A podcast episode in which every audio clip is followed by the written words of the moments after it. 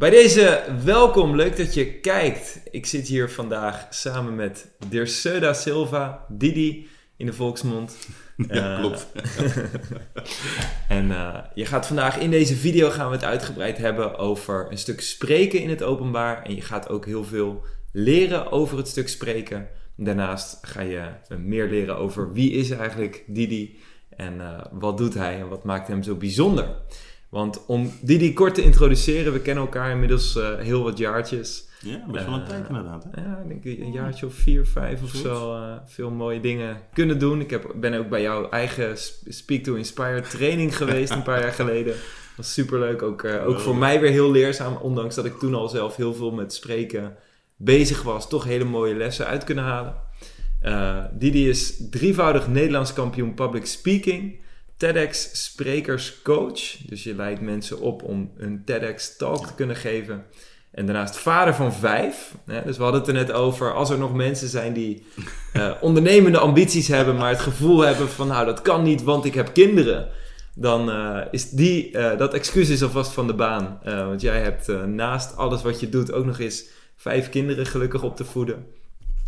Ja, sterker nog, ik zeg altijd van gebruik je kinderen niet als excuus om het niet te doen, maar als reden om het juist wel te doen. Precies, precies. Ja, Dus dat is, dat eh, is een hele mooie, denk ik. Ja, het goede voorbeeld kunnen geven als Ja, vader. precies. Inderdaad. Absoluut. Ja. Giving the good example. Precies, nice. Klinkt goed. En daarnaast geef je natuurlijk ook nog eh, bij uh, Nijenrode Business University colleges en bij de Erasmus Universiteit, of tenminste gastcolleges neem Ja, ik aan, over, over spreken. Precies. Dus eh, een echte expert ook op het gebied van public speaking.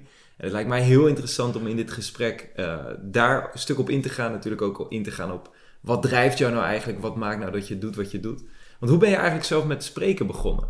Ha, dat is een hele goede vraag. Ik ben er echt ingerold. Hmm. Echt ingerold. En dat heeft te maken met een aantal dingen die ik heb meegemaakt in mijn leven. Eén daarvan is dat ik eh, ooit naast mijn studie had ik een bijbaantje in een callcenter. Ja. En dat ging op zich best goed. Hmm. En op een gegeven moment kwam de supervisor naar me toe en die zegt: Hé, hey, meneer De Silva. Hij zegt: eh, Gaat goed hè, de telefoon? Ik zeg: Nou, nou ja, ja, gaat wel lekker, ja. Ja. Hij zegt: eh, Hoe zou je het vinden om training te geven aan zeg maar, de nieuwe instroom? Want het is een callcenter, dus je had gewoon elke twee weken had je een buslading met nieuwe Ja, mensen. ja, ja. Bizar. Ja, ja. En ik had zoiets van: Oh. Aan de ene kant, ik dacht van, oh, dat is een hele mooie kans zeg maar, om, om een beetje door te groeien binnen de organisatie. Mhm. Maar aan de andere kant, ik vond het zo spannend. Het was dat ik dacht van, ah, mm, voor groepen staan, voor groepen staan. Ja, zal ik dat nou wel doen? Dus eh, nou ja, uiteindelijk wel gedaan en echt, nou ja, echt een complete fiasco die eerste training. Want het zal me ook altijd bijblijven op een of andere manier. Ja. Hoe was dat Ehm, dan, die eerste training? ik, ik, was, ik, was, ik was heel erg bezig met, eh, en dat was echt een beginnersfout eh, van mij toen. Ik was heel erg bezig met de inhoud. Weet je? Dus ik, had, Ja. ik wist veel, zeg maar. Hmm. En dus ik was allemaal informatie in mijn hoofd aan het proppen. En, ik, en mijn doel was om de nieuwe mensen net zoveel te leren als wat in mijn hoofd zat na al die tijd daar werken. Ja, ja, ja. ja. Dat, is, dat is wat ik en ik dacht, ja, ik weet dit en ik ga ze allemaal volproppen. Dus mijn hele voorbereiding was ook echt gebaseerd van wat ga ik allemaal vertellen. Hmm. Dus ik had allemaal papiertjes en handouts en echt belachelijk veel informatie voor een beginnerstraining. Ja, En ik ging daar staan en ik ging dus al die informatie zo, zo over het publiek heen spuien. En maar vertellen en dit en dat. En hele complexe technische, want ik zat toen op de technische helpdesk. En eh, ook best wel complexe technische dingen. En maar gewoon zo, boem, zonder enige vorm van context, zonder enige didactische vaardigheid. Gewoon. En ik zag gewoon het gezicht van het publiek echt zo van. Waar heb je het? Echt gewoon Ja, de- ja, ja. deze blik zo van. Ja, en, en, en ik zag dat en dan werd ik nerveus, want ik vond, ik vond het al spannend en ik werd nog nerveuzer. Dus ik ging nog sneller praten en nog meer informatie en echt gewoon een soort van... Dus ja, en er zat dus iemand bij, ehm, omdat het mijn eerste keer was. En er zat dus al een ervaren trainer zat erbij. En die zat ook aan te kijken en toen tijdens de eerste pauze kwam die ook echt naar me toe van... eh, hoe vind je dat het gaat? Weet je, en als ze die vraag stellen, dan weet je al van, oh oh. Dan moet je Oh, oppassen. ja, moet Ja, oppassen. ja. Dus dan ga je heel erg van... eh. Dus ik zei, ja, ik zeg, ik denk dat ik ze een beetje aan het overrompelen ben. Hij zegt, ja, dat denk ik ook. Ja. Hij zegt, dat denk ik ook. Weet je, gewoon tone it down een notje, weet je. En dan kreeg ik allemaal een paar tips. En toen ging het ietsje beter, maar het was nog steeds... Hmm. En aan het einde van die training was ik gewoon blij. Weet je, dat gevoel van... En niet blij omdat het goed was gegaan. Of omdat ik nou het idee had dat ik een geweldige prestatie had geleverd. Maar ik was gewoon blij dat ik die stap had ondernomen. Want het was voor mij best wel een overwinning om voor een groep te gaan staan en te spreken. Ik bedoel, ik had in eerste instantie gekozen voor een callcenter. Juist omdat je dan niemand onder ogen hoeft te zien. Dat was gewoon een hele veilige job. Oké, oké, oké. Ja. En dat heeft weer te maken met een hele historie. Omdat ik, eh, zeg maar, ehm, in, in, in, in mijn puberteit ben ik, ben ik best wel vaak gepest. En dat had, voor een, dat had iets achtergelaten bij mij, een stempel. Waardoor ik het heel lastig vond om, om voor mensen überhaupt te praten. En het is niet eens alleen spreken in public, maar gewoon ehm, ook in sociale omgevingen en zo. Ja. Dus dat was voor mij een drempel. En ik, en ik had zoiets van, ja, ik vind het leuk. Dus toen ben ik dat vaker gaan blijven doen. En een paar keer, zeg maar, in mijn levensbaan is daar, ben ik in aanraking gekomen met of trainingen geven. En toen op een gegeven moment kwam ik terecht met, ehm, met een organisatie en die vroegen ook om dan trainingen te geven. Maar dat waren meer, ja, het waren meer presentaties echt van je, een half uur of een kwartier voor grote groepen onbekenden. En dat is heel wat anders. Vaak doen mensen een training geven en spreken voor groepen onder één noemer plaatsen. Maar dat zijn eigenlijk twee hele verschillende dingen. Ja, absoluut. Ja. En ik vond dat zo leuk. Ik vond dat zo leuk dat ik zoiets van, ja, dit is wat ik wil gaan doen. Dit is wat ik wil gaan doen.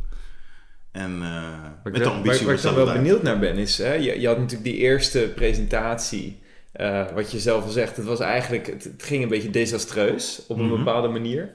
Eh, en toch had je achteraf, want veel mensen merken als het, als het dan niet goed gaat, dan zijn ze zo streng voor zichzelf en zeggen ze, nou hier ben ik niks voor gemaakt, of hier ben ik niet voor gemaakt, dan stoppen ze ermee. Ja. Wat maakte dat jij toch die, die motivatie vond of de, het vertrouwen vond om door te gaan en er toch mee aan de slag te gaan? Nou, het idee dat als je, erg, als je iets voor het eerst doet, dat je daar niet per se goed in hoeft te zijn, Hmm. dat is wel een overtuiging wat ik heb meegekregen, vooral van mijn vader. Ja. Ehm, die zei van, weet je, als we, weet je, hij zei altijd van, je hebt, je, hebt, je, hebt, je hebt geoefend of niet geoefend. Ja, ja, ja. ja. En, en, en dat had hij ook weer ergens vandaan gehaald.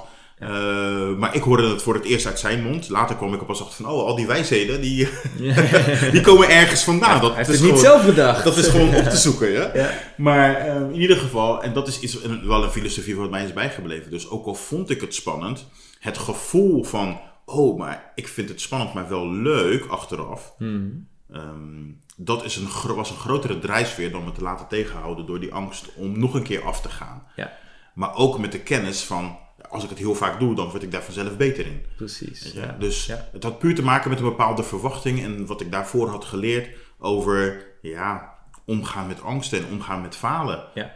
Je Dus- vader had eigenlijk de growth mindset echt goed geïnstalleerd. eh, Eigenlijk wel, ja. Ja, ja. Hij zei, eh, want het grappige is, is zeg maar, op de basisschool, eh, dan krijg je zo'n CITO-toets. Hmm. Ja, en ik scoorde best wel, best wel goed op die CITO-toets. Ik op dat moment, ik, weet ik was gewoon... Hmm. Maar hij zei nooit tegen mij van, jij bent slim. Of Hmm. jij, jij, jij, je, weet je, je, bent, je bent intelligent. Hij zei altijd van, ja, je hebt goed je best gedaan. ja. En later kwam ik er pas achter dus dat dat dat ook echt een naam heeft om, je kinderen op die manier op te voeden. Hè? De Ja. growth eh, mindset versus de fixed mindset. Precies. En dan dacht ik van, oeh, dat deed hij dus eigenlijk altijd al op die manier. Ja. Bijzonder. Maar dat... Dus ik ben opgegroeid met de opvoeding, je bent niet iets, je bent niet of slim of je bent ergens goed in. Weet je, je bent geoefend of niet geoefend. Dat wil gewoon zeggen van, doe je beter je best voor iets, dan zal je daar beter in worden. Hmm. En dat is ook een beetje dezelfde filosofie die ik mijn kinderen ook probeer aan te leren. Tof. Ehm, en, dat, en dat helpt wel heel erg. Ja, Dat helpt Ja. ook wel heel erg. Ja. mooi. Zijn er nog meer dingen die je aan je kinderen mee wil geven? Of, nou ja, mee wil geven of dingen die je ze aan probeert te leren op dit moment? Meegeven is misschien heel, eh, heel algemeen. Maar... Nou ja, ik denk dat als ouder ja, wil je natuurlijk sowieso altijd het beste voor je kinderen. absoluut. En dat is aan de ene kant is dan een positief iets. Hmm. Eh, maar dat kan soms ook een valkuil zijn. Ik merk dat ik soms heel erg geneigd ben om mijn kinderen te proberen dat, te voorkomen dat ze fouten, bepaalde fouten maken in het leven. Terwijl ik weet van, oh, maar soms, ze moeten dingen zelf ervaren en ze moeten zelf die fouten kunnen maken. Eh, dus dat maakt het wel lastig. Wat ik ze probeer mee te geven is een gezonde dosis eh, zelfvertrouwen. Eh, dat is niet altijd even makkelijk, denk ik, als ouder. Ondanks het feit dat je, nou ja, ik zie bij jou ook een hele stapel met boeken over personal development en dergelijke, die we allemaal kennen. En dan denk ik van, oh, ik ga die kennis één op één, ga ik proberen over te dragen. Ja. Ik denk dat het belangrijkste wat ik ze meegeef is te leven volgens de filosofie die ik probeer uit te dragen. Hmm. Dus niet alleen zeggen van, oh ja, je moet zelfvertrouwen hebben en op deze manier verdien je zelfvertrouwen, maar ook zelf die dingen te doen die ik zeg. Ja. Ik denk dat dat de grootste boodschap is. Ja, precies. Ehm, zodat ze later gewoon zeker in hun schoenen staan. Dat ze dingen probe- durven te ondernemen, fouten durven te maken, daarvan durven te leren. En dat zien we altijd als een groeiproces. In plaats van, oh, het is mij niet gelukt, dus I'm a failure of zoiets. Hmm. Ik denk dat dat een hele belangrijke is voor de jeugd tegenwoordig. Ehm, en een tweede, en dat heeft niks te maken met op zich personal development, is hoe vind ik mijn weg, hoe vind ik mijn identiteit in deze wereld waar alles door elkaar lijkt te gaan. Alles gaat zo snel met social media en eh, ehm, hypes en trends volgen elkaar zo snel op. En dan kan dit wel en dan kan het weer niet. En dan is dit goed en dan is het weer fout. Dat gaat heel snel. En er is zoveel informatie. Eh, in mijn tijd moest je echt naar de bibliotheek gaan om informatie op Ja, te zoeken. ja, ja, ja. Weet je, en dan had je gewoon Precies. bepaalde bronnen. En nu, ja, je hebt, je hebt alles tot je beschikking. Echt, Absoluut, Met, gewoon met je mobiel, dat je gewoon alle kennis van de wereld Je tot je kan beschikking elke hebt. vraag aan Google stellen en het antwoord is daar. ja. En ehm, dus om daar de onderscheid in te maken tussen, tussen hoe vind ik mijn weg tussen al die informatie, vind ik Hmm. wel een hele belangrijke om mee te geven aan deze generatie. En dat is leuk wat je trouwens zegt, want je kan alles aan Google vragen. Want ehm, ik, ben, eh, ik ben wel een beetje een gadget freak, ik hou daarvan. Een Hmm. beetje, een beetje een gadget nerd. En wij hebben dus thuis hebben we ook van die Google kastjes staan, zeg maar. Ja, in de woonkamer en de kinderen hebben eentje op hun kamer. En weet je, dan kunnen ze gewoon dingen zeggen zoals, eh, nou spelen ze wat muziek of wat dan ook. Maar mijn zoontje, die, eh, die is dus continu de hele dag door is hij van alles en nog wat aan Google aan het vragen. Ja, Maar echt gewoon, Ja, tof. Ja. hey Google, ehm, hoeveel weegt een walvis? Hey Google, eh, hoe ver is de zon van de aarde? Weet je, Ja. maar die nieuwsgierigheid, Mhm. dat vind ik geweldig. Absoluut, maar het feit ook ja. dat hij daar dus ook meteen antwoord op kan krijgen, ja, dat is mooi van deze tijd. Ja, dat, is, heel bizar. Ja, ja, ja, dat is echt ongelooflijk. Ik denk dat we dat soms te weinig beseffen hoe bijzonder dat eigenlijk eh, Ja, en die nieuwsgierigheid is goed. Ik denk dat wij volwassenen ook gewoon continu nieuwsgierig moeten blijven. Nou, hoe werkt iets? Hoe ziet iets in elkaar? Ja, En vandaar ook dat spreken zo'n mooie manier is om, van, om boodschappen en visies en ideeën over te brengen. Want ja, mensen zijn nieuwsgierig naar hoe kan ik bijvoorbeeld mijn leven verbeteren, maar ook hoe kan ik bepaalde dingen oppakken. Uh, hoe over, uh, overwin ik mijn drempels en mijn obstakels. Ja. Zeker weten. Ja, absoluut. Daar is een hele mooie motivatie. Dat is echt leuk, ja. En um, ja, je zei net inderdaad van uh, ik probeer vooral mijn uh, rolmodel te zijn voor mijn kinderen. Om vooral te doen wat, uh, wat, wat ik wil dat zij leren. En uh, het is een mooie uitspraak hè, van kinderen doen niet wat je zegt, ze doen wat jij doet. Ja, ja je, Je, inderdaad. ja, je zei ook in het begin van, uh, van ons gesprek, zei je van hey, laat kinderen vooral de motivatie zijn om iets wel te doen. Is dat dan ook voor, voor jou voor je voornaamste motivatie in het spreken? Dat je zegt, hey, dan, als, als ik die stappen neem, of misschien de angsten die ik zeker in het begin had, uh, om daar echt voor te gaan, als ik dat overwin, dan draagt ja. het ook over? Ja, goede vraag. Um, ja, ik denk het wel. In die zin van, ik vertel mijn kinderen ook gewoon van hoe ik hoe spannend ik het vond, zeg maar, de eerste mm. keer dat ik voor een groep moest staan. En, en dat ik daar nog steeds, nog steeds elke keer, want soms krijg je die vraag en die zal je ongetwijfeld ook wel eens krijgen. Mensen ja, die spanning voel jij zeker niet meer. Um, jawel, mm. weet je. Ja. Gewoon ja. elke keer als ik voor een groep sta, voelt het gewoon, ja. weet je. En dat, en dat, en dat, en dat is ook goed. En dat is ook goed. Ik, ik, we geven daar een positieve betekenis aan. Mm. En het is leuk. Ik denk dat als ik ooit op een podium zou stappen en ik zou dat gevoel niet meer hebben, dan wordt het misschien tijd om iets anders te doen. Want ik weet wat dat gevoel voor mij betekent. Het betekent, ik vind het belangrijk om het goed te doen voor de mensen. Hmm. En ik wil ze waarde meegeven. En ik wil dat ze naar huis gaan met, met, met enthousiasme en inspiratie en motivatie om dingen te gaan ondernemen of dingen met hun leven te doen. Dat vind ik belangrijk en daarom is dat gevoel er. En dus die spanning die ik nog steeds heb, dat, dat, ik vertel dat wel aan mijn kinderen. Van ja, ik voel dat nog steeds. Hmm. En toch doe ik het. Waarom? Omdat ik waarde hecht aan puntje, puntje, puntje, puntje. En zo hoop ik dat zij dat voorbeeld ook zullen overnemen. Ja. Um, in, in, in ja, welke richting zij ook zullen kiezen. Hmm. Um, ik heb niet zoiets van, oh, als rolmodel, ik ben spreker, dus zij moeten ook spreker worden. Dat helemaal ja, ja, ja, nee, het gaat echt puur om de acties en de redenen waarom ik dingen doe. Ja, Dus... En dat probeer ik. Is dat, lukt dat altijd? Nee. Is dat altijd even makkelijk? Nee, echt niet. Het ouderschap dat komt en gaat met, met vlagen. Um, maar ik ben wel, ik probeer me wel zo bewust mogelijk, zeg maar, daarmee om te gaan. Juist. Ja, tof. Yes. Klinkt goed. Ja, mooi. Ja. Of tenminste, klinkt in ieder geval een mooi, een mooi voorbeeld. Ja. En um, je, zei, je gaf aan wat je, wat je van je vader hebt geleerd om, uh, om dus echt die growth mindset te hanteren. Is er ook iets specifieks wat je van je moeder hebt geleerd? Ja, ehm, mijn moeder is, eh, ja, is er iets wat je van je moeder hebt geleerd? Dat is zo'n hele rare vraag. Want ik heb natuurlijk heel ontzettend veel eh, van beide mijn Heel veel ouders. ongetwijfeld, ja. Ehm, maar mijn moeder is wel inderdaad de, de hoe noem je dat? De, ehm, de, de, de binding, zeg maar. Dat is voor haar, haar normen en waarden zijn echt heel erg gegrond in, in, in family values. Maar ook dingen voor elkaar doen en voor elkaar zijn en, en noem maar op. En een ander helpen. Ja. Eh, mijn moeder was zo'n type dat als een, bijvoorbeeld iemand van de familie of, of de buurvrouw die zei van... Oh, eh, ik, ik heb ergens hulp mee nodig. Dan was ze gelijk, pff, weet je, Mhm. helpen en noem maar wat op. En ik denk dat dat zowel bewust als onbewust toch een bepaalde impact heeft op jou als, als, als kind zijnde. Want je ziet dat gedrag en je ziet ook van, je gaat het normaal vinden eigenlijk. Ja, van, oh, het, is, het, is, het is, zou heel normaal moeten zijn om andere mensen altijd te ondersteunen. En weet je, die bepaalde die hele sterke normen en waarden. Je ziet het niet eens meer als iets moois of als buitengewoon. Nee, het is gewoon normaal om altijd klaar te staan voor mensen. Ik denk dat dat een hele sterke onderdeel is wat ik, eh, ja, wat ik heb meegekregen van, eh, van mijn moeder. En dat doen we als sprekers natuurlijk ook. Hè. Mensen helpen en klaarstaan. En Absoluut. heel, eh, ik wil bijna zeggen, altruïstisch in het leven staan. Mhm. Ja. Ja, ja, precies. Dat is heel bijzonder. En dat, Dat is zeker eh, iets wat met als spreker natuurlijk bijdraagt. Alhoewel je natuurlijk als spreker een hele mooie win-win kan creëren. Dat je zelf kan genieten en ook nog goed kan, eh, van kan leven uiteindelijk. Absoluut, absoluut. nee, vond, ik, dat is het mooie. Dat weet, je, dat weet jij, dat weet jij als spreker ook wel. Dat, Ja. Tuurlijk, aan de ene kant staan we op een podium, weet je, om mensen te helpen en informatie en inspiratie mee te geven. Ja. Maar wat ik nog te weinig hoor, is wat doet het met jou als spreker? En het Mm. gevoel als je op een podium staat en mensen luisteren naar je, mensen lachen om je grappen, mensen klappen. Dat is een geweldig gevoel. Dus ik sta daar niet puur, weet je, eh, onbaatzuchtig Ja, ja, ja, voor de ander. Ik sta daar ook voor mezelf, want ik geniet Absoluut. van dat soort ment- momenten. En het is gewoon leuk en het is, weet je, de, ze zeggen, of, eh, Tony Robbins die heeft het natuurlijk over de six basic human needs. Hmm. En significance is daar een hele belangrijke in. En ik merk ook dat dat voor mij ook een hele belangrijke basisbehoefte is. Hmm. Dat gevoel om, om, om relevant te zijn in een maatschappij waarin je soms verdwaald kan raken. Mhm. Ehm, dus dat, dat gevoel, ja, dat is geweldig. Ja, ja, absoluut. absoluut. Ja. Ja. En het betaalt goed, dus dat is ook, weet je, dat is, ook een rol. Ja. Nee, maar soms lijkt het alsof het taboe is om over dat stuk te spreken. Maar ja, nou ja Mm. je, als je, ermee, als je, je kan ervan leven, je geniet ervan, je hebt het naar je zin. Het geeft je een gevoel van, van, van ja, zelf... ehm, ik wou bijna gaan zeggen zelfbevrediging, maar dat klinkt zo verkeerd.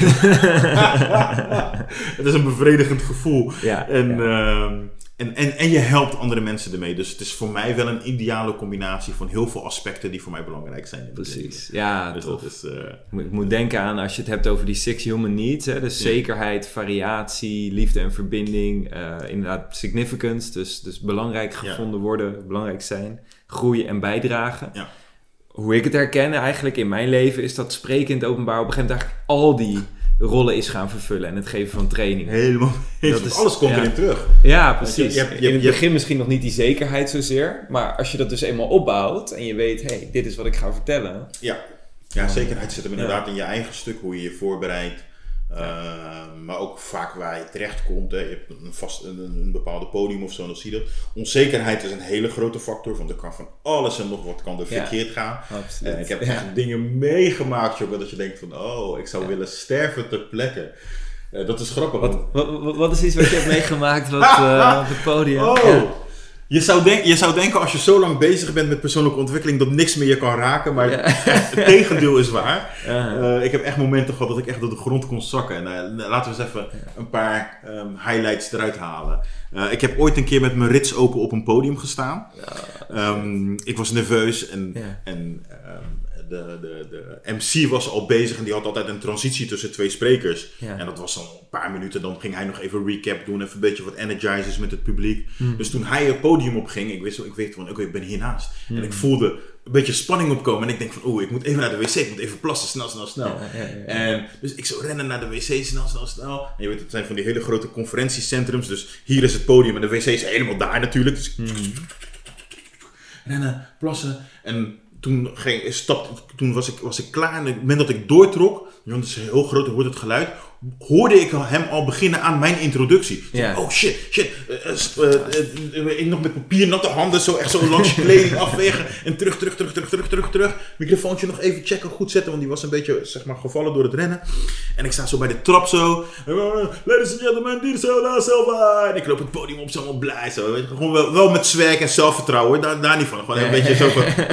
Ja, want ze zeggen, je moet altijd met, met ja, die zelfvertrouwen uitstralen, ook al voel je dat nog niet. Absoluut, ja. Maar ja, op dat moment, ik loop wel die podium op en lachen naar iedereen en glimlachen. En ik ben aan het praten zo. En ik zie op de derde rij, zie ik iemand lachen eh, met, met de persoon eh, eh, naast hem. En, en gewoon wijzen, zeg maar, naar beneden. Dus ik denk van, heb ik een vlek of zo? Maar ja, je staat op een podium, dus ik ga niet uitgebreid midden op een podium echt zo doen van, hé, hey, waar... Ja. Dus ik, ik denk, is er iets... En ik, ik merkte, ik werd daar, werd daar wel een beetje nerveus van. Snap ik, van, ja, ja, ja, Wat, wat zijn ze nou het... Ik begon doorpraten, bla bla bla, verhalen vertellen, dit en dat en dat en dat, bla bla bla. En ik had gelukkig had ik een videootje in mijn dinges, in mijn, eh, in mijn Hmm. eh, speech. En eh, dus ik zeg eh, oké, kijk even mee. En ik, ik zet hem op play en ik draai me natuurlijk bewust om zo om even te kijken. En op dat moment kijk ik van, heb ik vlekken? Nee, en ik kijk, oh, fuck, mijn gulp denk, shit. Ja, dus dat heb ik meegemaakt. Ik heb meegemaakt dat ik ehm, nog snel een, een, een, hapje nam. Toen was ik, dit, dit keer was ik zelf, zeg maar, de, de MC. eh, oftewel de host, zeg maar, Ja. van die avond. Ja, En, ehm, en eh, ik- heb dus een programma, dus ik weet ook, nou, deze spreker gaat 20 minuten praten of 25 minuten, noem maar wat op. En die spreker die zou, als ik me niet vergis, was het of 20 of 25 minuten gaan praten. En die was pas bij de 13 of 14 minuten. En eh, een van de stafleden die zegt van, hé hey Didi, heb je, heb je honger? Was hier in Nederland, bij, eh, bij Van Nelle fabriek was dat. Ik zo, eh, ja, ja, oh, wil je broodje? Ja, is goed, broodje. Dus ik neem een hap van het broodje zo. Oh, lekker, lekker, lekker. En ik neem nog een hap. En ik hoor die spreker gewoon van, nou, dank jullie wel voor jullie aandacht. en ik denk, hè, maar die gast heeft nog, nog een kwartier of zo. Ja, ja, ja. Dus ik, nou, broodje weg weer doen. En eh, ik loop het podium op en ja, dank jullie wel, mensen, oké, wat- hebben jullie genoten? En, en ik, vanuit mijn ooghoek zie ik hier iets geels. Weet je? Ik had mijn mooie witte overhemd aan toen met, met, eh, met een blauw jasje. En ik zie vanuit mijn ooghoek zie ik hier iets geels. Ik denk, wat is dat joh? Ja, zo kijken ze. Ik een hele grote vlek Hmm. voor mijn broodje. Weet je? Dus dat soort dingen. Nou, en dan de reguliere dingen, dat geluid uitvalt. Of presentatie doet het niet. Of je mic ineens zo feedback geeft. Keihard. Ja, ja, ja. Dat iedereen gek daar wordt. Eén keer ben ik gevallen. Oh, dat was in Engeland. En dat was voor een, eh, voor een crypto-event. Uh-huh. natuurlijk helemaal hype toen. eh, dat was een beetje eind 2017, begin 2018. Helemaal een hype. En ik was naar Engeland gegaan, naar de O2 Arena. En dat is echt Oh, wel, ja, ja, weet je, als spreek... Ik had Een echt van de grootste zalen in, eh, in Londen is dat geloof ik. hè? Ik was ja. echt zo. Dat was wel een van. Tegelijkertijd ook mijn hoogtepunt. Dat ik dacht van dat ik daar mag staan. Wauw, Mm. Geweldig. Ja, En dus ik ben daar. En je weet dat de technici moeten alle kabels moeten ze aftapen. Mhm. Op het podium. Ja. Ja. Ja. Drie keer raden. Ik kom het podium op. Het was meteen het begin van het event hè. Uh-huh. Ik kom het podium op. Ik was toen ook host. Ik loop het podium op. En ik struikel over een van die kabels. Hè. Gewoon echt. Poef, lang uit. En ik dacht. Oké, ik wil naar huis. Erbij, ik wil naar huis. ja. Maar ehm, ik bleef gewoon even liggen. Uh-huh. En eh, ik eh, zei tegen de audience van... eh, If you want to take a picture, this is your moment. En, de mensen ook echt hun mobieltjes pakken. Weet je, Oh, en echt zo. fantastisch, ja. Ik bleef gewoon zo echt nog even een beetje pauzeren. En toen stond ik op.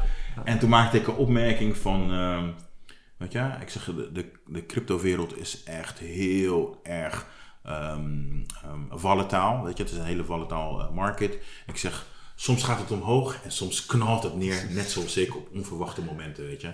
En vanuit daar pakte ik verder mijn intro en iedereen vond het geweldig. Dus dat was ook, weet je, dat was ook echt wel een goede les van... Ja. Mm. Als er dan iets misgaat, weet je, niet daarop gaan focussen van... Oh ja, ze hadden die kabels of dit of dat. Weet je, gebruik het gewoon in je voordeel. Ja, dat is prachtig. Ja, nee, dus, dus eh, uiteindelijk gaat het erom dat je die impact wil maken. Even als Ja, dat je impact Ja. wilt maken. En ehm, ik denk dat een beetje zelfspot daar eh, ook heel... Ja, daar kom je heel ver mee. Absoluut. Daar kom je heel Ja. ver mee. En als er dingen inderdaad misgaan en je, laat, en je gebruikt het in je voordeel, geef je daarmee ook een signaal richting je publiek. Van, Hmm. weet je, no matter what happens, weet je, ik ga daar wel professioneel mee om. Precies. Ik weet niet of je dat wel eens hebt meegemaakt, maar ik heb wel eens meegemaakt dat sprekers gewoon bijvoorbeeld het hele technische team gaan zitten afkraken. Omdat, Mm. omdat bijvoorbeeld Mm. een mic even net niet goed werkte Ja. of niet Ja. goed stond. En dan van, eh, ja, eh, eh, IT dit of, of, of, onze technische team. En dan denk ik van, doe Ja, joh. zo zonde. Het is, het is zonde, doodzonde. maar je haalt daarmee ook je eigen credibility omlaag. En dat is wat ze vaak niet beseffen. Even Mm. los van het feit dat, je, dat, dat het best wel douchebaggy is om dat, om dat überhaupt te zeggen. Ja. Even los van het feit dat je daar ehm, ehm, dat je onsympathiek, onsympathiek bent tegenover de mensen die eigenlijk alles mogelijk maken voor jou om daar te staan, hè, de organisatie en dergelijke. Ja. Los van het feit dat je echt niet nog een keer teruggevraagd gaat worden door die organisatie. Precies, ja. Ehm, je haalt ook je eigen credibility en likability Hmm. mee omlaag tegenover het publiek. ja.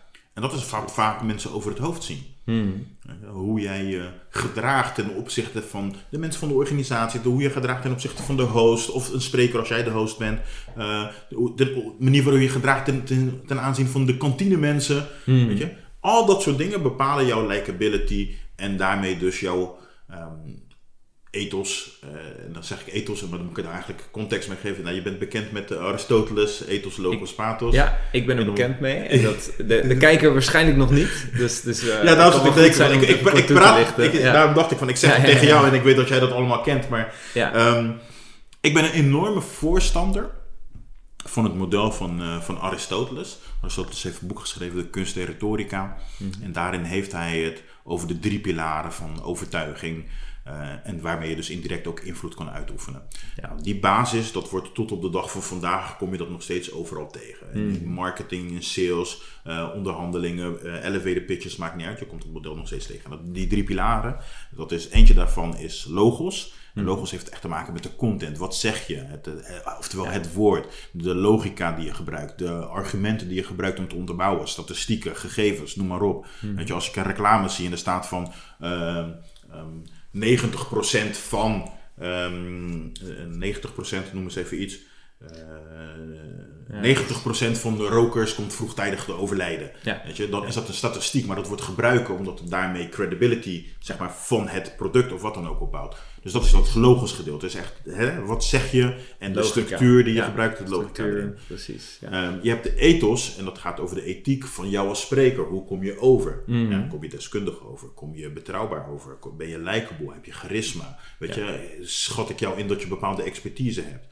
En, en dit is een hele belangrijke, want twee Mhm. sprekers kunnen precies hetzelfde zeggen. Mm. Maar toch heeft Ja. de ene, daar heb je zoiets van, oh wauw. En bij de andere is je, ja, ja, het, zal, het wel, of ik geloof het niet, of wat dan ook.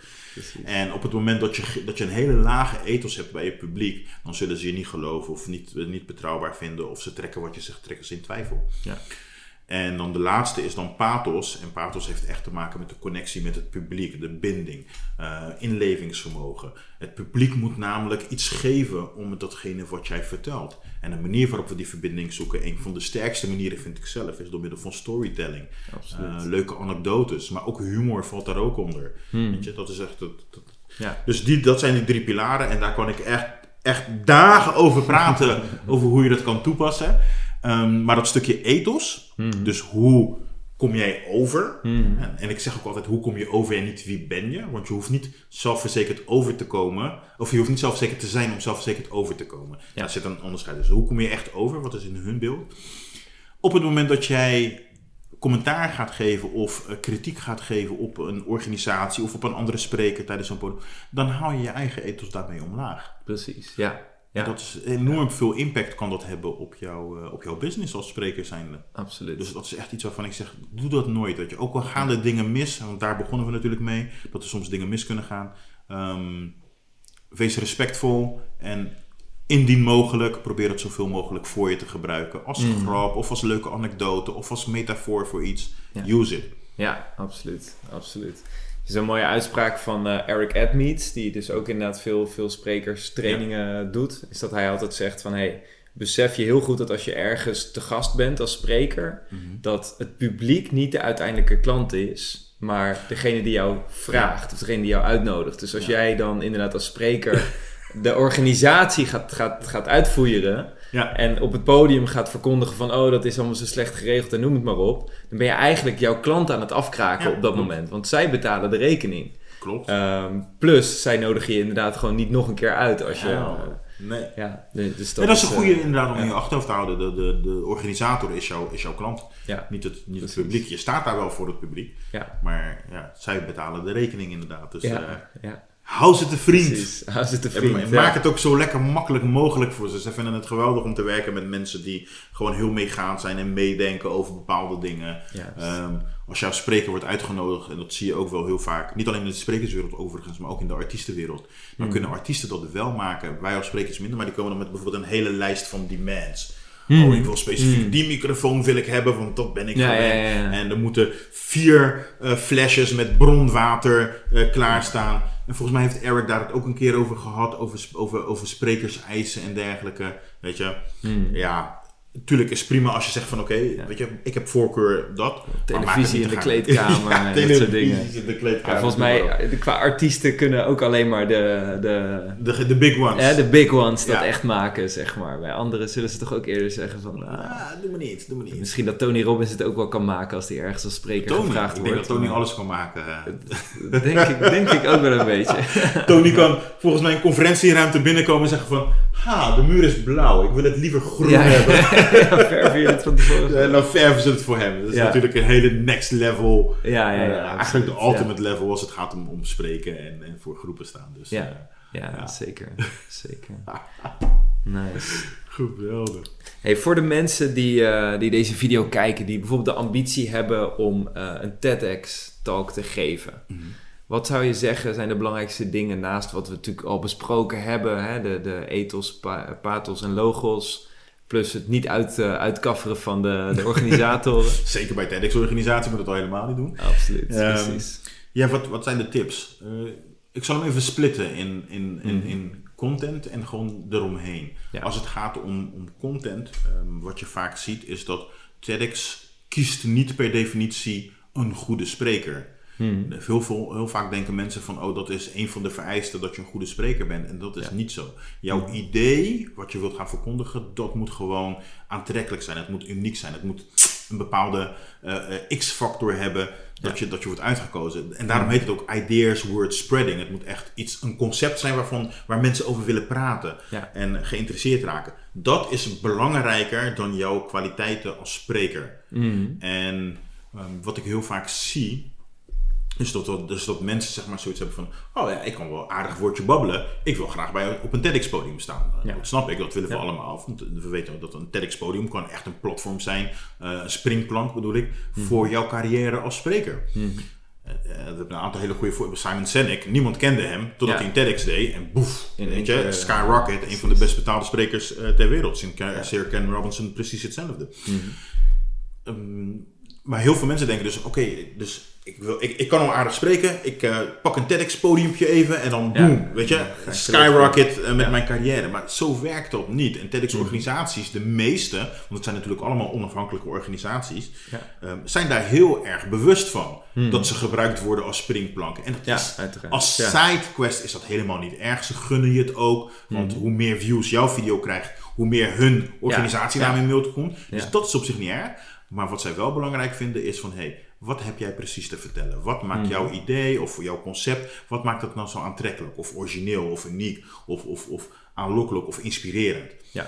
Dus Ja. zorg ervoor dat je meer daarop focust dan echt van, oh, maar ik eh, kan heel goed praten. Dus dat is qua content. Dat je echt een ijzersterk, leuk concept hebt. Wat niet al vier, vijf keer is geweest bij een TEDx-event. Hmm.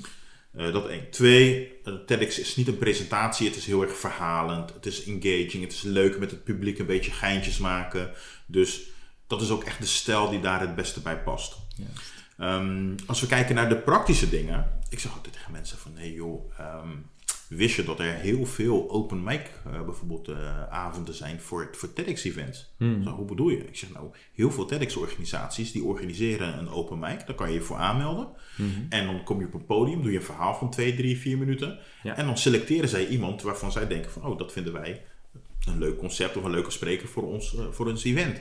Oh, Ja, want heel precies. vaak denken mensen van, oh, het is een soort van elitaire organisatie. Ja, ja, ja, En als je niet, je ja, echt gesloten, en je, je, moet je ja, er binnen wurmen of eh, je moet een of andere eh, vriendjespolitiek eh, kennen. Hmm. Maar dat is helemaal niet zo. TEDx, juist heel vaak zijn ze gewoon echt wel op zoek Ja. naar, naar sprekers. Van wat is leuk, wat is leuk. Er is geen wachtlijst van 100 man of wat dan ook. Dat je denkt van nou, ik meld me nu aan en met een beetje geluk kom ik over 4, 5 jaar aan bod.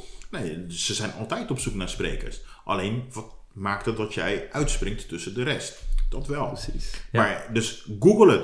Ehm, ik zeg altijd tegen, me- tegen mensen als ze tegen mij zeggen van, joh, hoe kan ik daar komen? En ik zeg van, joh, ik zeg, eh, hoeveel van die TEDx organisaties volg jij op dit moment op social media? Hmm. Geen één. Dus ik zou daarmee beginnen. Dat is alvast een start. Dat Ja, is alvast ja. een start. Absoluut. Ik zeg Ja. ik, ik, ik volg best wel veel, zowel in Nederland en in het buitenland, gewoon omdat, los van het feit dat ik het interessant vind. Hmm. Maar ik zie gewoon echt heel vaak van eh, dat ze een oproep doen dat ze op zoek zijn naar sprekers. Ja, Dus dat is al een mooie ingang. precies. En of dat nou een open mic is, of een soort van, eh, van contest-achtig idee, of dat ze gewoon zeggen van hé, stuur je filmpje in Hmm. en dan gaan wij daaruit selecteren. Daar zijn echt heel veel opties in. Ja. Dus ik zou dat ook zeker op die manier doen. Eh, en het tweede is, maak ook bekend dat dat je ambitie is. Hoe meer mensen om je heen dat weten, Hmm. Ja. die kennen misschien wel van, oh, ik heb iets gezien. Of hé, hey, ik weet dat uh, TEDx Delft is iemand aan het zoeken. Of TEDx Rotterdam is iemand aan het zoeken. Dus, dus kijk daarna. Eh, en een hele belangrijke, vaak hebben een TEDx-events een bepaald thema. Niet altijd, maar soms hebben ze dat wel. En dan een thema is bijvoorbeeld, eh, weet ik veel, innovatie 2025. Waarin ze dus erg op zoek zijn naar sprekers met een, weet je. Dus dan kan het zijn dat jij met jouw verhaal bij dat event niet binnenkomt. Maar dan is dat omdat je niet past binnen het thema. Ja, Dat betekent niet dat je niet goed genoeg bent of dat jouw idee niet goed genoeg is. Dus don't give up. Probeer het dan ergens anders. Weet je? Dus dat zijn een beetje de dingen waarvan ik zeg van let daar ehm, heel erg op. En natuurlijk oefenen, oefenen, oefenen, oefenen, oefenen, oefenen, oefenen, oefenen. oefenen. En, dan nog een keer Ja. oefenen. Heel goed. Ja. Het is heel jammer dat ehm, een, een, zo'n podium, wat voor heel veel mensen echt belangrijk is en echt een soort van summum is om daar ooit een keer te staan. Hmm. En dan hebben we ook heel vaak mensen die daar staan en dan zeggen van, nou weet je wat, ik ga mijn, eh, ik ga mijn TED Talk ga ik gewoon freestylen. Ik van, oh, mm. Niet dat ik zeg dat je nooit mag freestylen. eh, maar er zijn heel weinig mensen die daarmee wegkomen. Puur op basis met freestylen, om dan een goede speech die structureel goed in elkaar zit, die de juiste boodschap overbrengt. Er zijn maar weinig mensen die dat goed kunnen. Ja. Ik ben daar ben echt niet één van. Hmm. Je, als, ik, als ik weet van, oh, ik moet een speech gaan geven, dan heb ik dat echt wel van tevoren voorbereid. En dat wil niet zeggen dat je woord voor woord alles leert. Daar ben ik ook geen voorstander van. Maar ik bereid me wel voor. Ja, ja, ja. In de freestyle. Ja, Zou ik zonde vinden ook achteraf voor mezelf. Dat ik denk van, oh, ik had dat nog willen vertellen. Of, oh, ik heb, die boodschap is misschien niet duidelijk overgekomen. Dus goed voorbereiden. Ja. Hele belangrijk. Ja. En hoe bereid je jezelf voor? Verschillende manieren. Ligt er ook aan voor wat het is. Als het een, ehm, als het een speech is bijvoorbeeld op een event. Ik denk dat de minste voorbereiding is als ik host ben ergens. Ja, dan heb ik alleen de sprekers, weet je, van oké, Ja. ik weet waar die spreker op gaat. Maar dan tussendoor probeer ik heel veel op gevoel te doen. Oh, het publiek is, zit in een goede bui, dus weet je, ik wacht nog even met, met het aankondigen. We gaan even door op die goede vibe. Een speech, een, eh, een keynote speech is degene die ik, denk ik, samen met een speech, met een wedstrijdspeech het beste voorbereid. Ehm, om, maar dat heeft te maken met, weet je, een keynote is gewoon zo belangrijk. Dat heeft alles, daar staat er veel op het spel, zeg maar. En hoe bereid ik me dan voor? Ik oefen mijn speech. Ik oefen hem heel vaak. Ik eh, neem mezelf op. Gewoon lekker. Of met, Ja. met de camera, met je, camera. met je telefoon. Iedereen heeft een telefoon. Ik neem mezelf ook op, echt altijd op drie manieren. Dat vertel ik tijdens mijn cursussen ook aan mensen. Ik, of, eh, ik neem mezelf op. En dan kijk ik het op drie manieren terug. Ik, neem het, niet- ik ga niet drie keer mezelf opnemen. Ik neem, Ja. kijk het op drie manieren terug. En één keer kijk ik het gewoon in zijn geheel. Dus ik heb beeld, ik heb geluid. Ik kijk hoe komt het over. Eh, zijn mijn punten duidelijk, noem maar op. En dan kijk ik het nog een keer, maar dan draai ik mijn telefoon op. En dan luister ik alleen naar mijn stem. Praat ik te snel, praat ik te hard. Weet je, zijn er bepaalde, bepaalde dingen dat ik mompel of niet goed uit mijn woorden kom. Eh, het idee dat je als spreker vlekkeloos kan praten, dat, je, dat dat idee heerst. Dat is niet zo. Ja. Ook wij verspreken ons of maken een grammaticale of spellingsfoutje of iets dergelijks. Dus dat, maar daar probeer ik wel naar te luisteren. Als ik een woord moet zeggen wat ik niet goed kan uitspreken, dan laat ik hem weg uit mijn speech. Ja, ja, ja. Vooral in, in mijn Engelse speeches, dan heb ik soms woorden dat ik denk van, het klinkt niet helemaal vlekkeloos. Weet je wat? Weg met dat woord. Iets anders ervoor in de plaats. Want. Waarom zou ik het mezelf moeilijk maken? En, ehm, en de derde is dat is met geluid. En dan luister ik vooral ook naar mijn stem. Hoe klink ik? Klink ik enthousiast? Of, eh, ik- En dan de derde keer doe ik het geluid uit en dan kijk ik gewoon puur naar mijn lichaamstaal. Ja. Gewoon puur mijn mimiek op mijn gezicht. Dan kom ik sympathiek over. Vooral in het begin toen ik pas begon met spreken. Toen zeiden mensen zich maar van, "Hey, je kijkt wel een beetje streng hè. Hmm. En ik had het helemaal niet door. Ik dacht, voor mijn gevoel stond ik echt met een hele grote glimlach naar ja, precies. Ja. En dan krijg je feedback van mensen van, ja, je kijkt wel een beetje Noors en een beetje serieus. En toen dacht ik van, oh. En dan ging ik video's terugkijken en denk ik, inderdaad man. Hmm. Waarom kijk je zo, weet je, het is te serieus voor Ja, het ja, ja, onderwerp waar je het over hebt. Ja. Ja, Dat is gewoon dan- een blinde vlek. Zolang je het niet Precies. zelf ziet of terugkijkt, dan ben je er Exactly, niet bewust exactly. van. Ja. Dus daar leer je echt wel heel veel van eh, over jezelf. En, eh, en dat is de manier waarop ik zeg maar voorbereid. Ja. En dat is zeg maar voor keynote. Wedstrijdspeeches zijn iets anders, want wedstrijdspeech echt elke woord telt. Hmm. Dus wedstrijdspeeches zijn een van de weinige speeches die ik echt letterlijk woord voor woord uit mijn hoofd Ja. ken. Ja. En hem zo vaak vertel, Ja. dat je zo vaak oefent tot op het moment dat het natuurlijk overkomt. Ja, Zolang het nog overkomt alsof ik iets probeer te reciten, Alsof je het woord voor woord doet. echt. Zolang dat nog overkomt en er zitten geen spontane momenten in voor het publiek, dan ben ik nog niet klaar met oefenen. Dus dan moet ik doorgaan, doorgaan totdat ik het vertel. En mensen denken van, ah, leuk verhaal, weet je, spontaan, dit en dat. Ehm, maar de mensen die in het publiek zitten, met name de juryleden, die weten echt wel van, oké, het is echt woord voor woord uitgeschreven. Ja, ja, ja, natuurlijk. Heel Ja. bizar, heel Ja. bizar. Echt een hele ehm, leuke manier van, van aan de slag gaan, Ehm, maar ook wel intensief. Het is heel intensief. Wat ik, Heel wat ik zelf merk is dat inderdaad, eh, ik, ik ben altijd, eh, je hebt zo'n zo'n uitspraak van eh, over een brief. Sorry dat de brief niet korter was, want ik had geen tijd om hem korter te maken. Ja, Eh, en dat merk ik ook met spreken. Van als ik inderdaad, ik geef dan natuurlijk zelf als trainer vooral echt dat ik acht uur lang op het podium sta.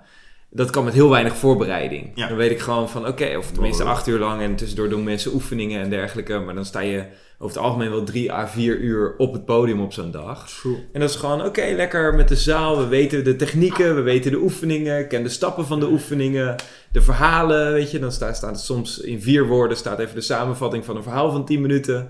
Dan weet ik gewoon van, nou, het, het komt. Ik heb het vaak genoeg gedaan om dat te kunnen wingen. En soms, als ik bijvoorbeeld zelf, als ik een advertentie opneem, en die moet dan Ja. ook in twee minuten. En ik heb hem dan woord voor woord uitgeschreven, want inderdaad, wat je zegt, elk woord moet Ja. raak zijn. Ja. Zo, dan ben je hem twintig keer aan het doen en dan heb je weer een woordje wat niet goed is en weer dat en weer dit. En dan denk ik soms van wauw. Maar wat- ik wel heel erg herken is dat heel veel sprekers die starten, die hebben dus inderdaad die ambitie om een hele speech woord voor woord uit te schrijven. Ja. En nou ja, wat je zegt, het, het kan natuurlijk als je echt bereid bent om daar minimaal, ik zou zeggen, tien keer zoveel tijd in te investeren. Minimaal. eh, Ja. om, om, om te zorgen, hè, net zoals acteurs die doen dat natuurlijk ook. Maar hou er dan wel rekening mee dat, het, dat je er inderdaad zoveel tijd in investeert. Ja. Ja, als ik persoonlijk, als ik die vraag krijg, zeg ik altijd van, eh, want mensen stellen die vraag, moet ik het helemaal uitschrijven, moet ik het hoofd, woord voor woord uit mijn hoofd kennen? Dan antwoord standaard nee. Tenzij je eh, een politieke speech gaat houden, eh, Ja. of je doet mee aan wedstrijdspeeches, Ja. eh, of het is inderdaad een hele korte snippet waarin elke woord telt.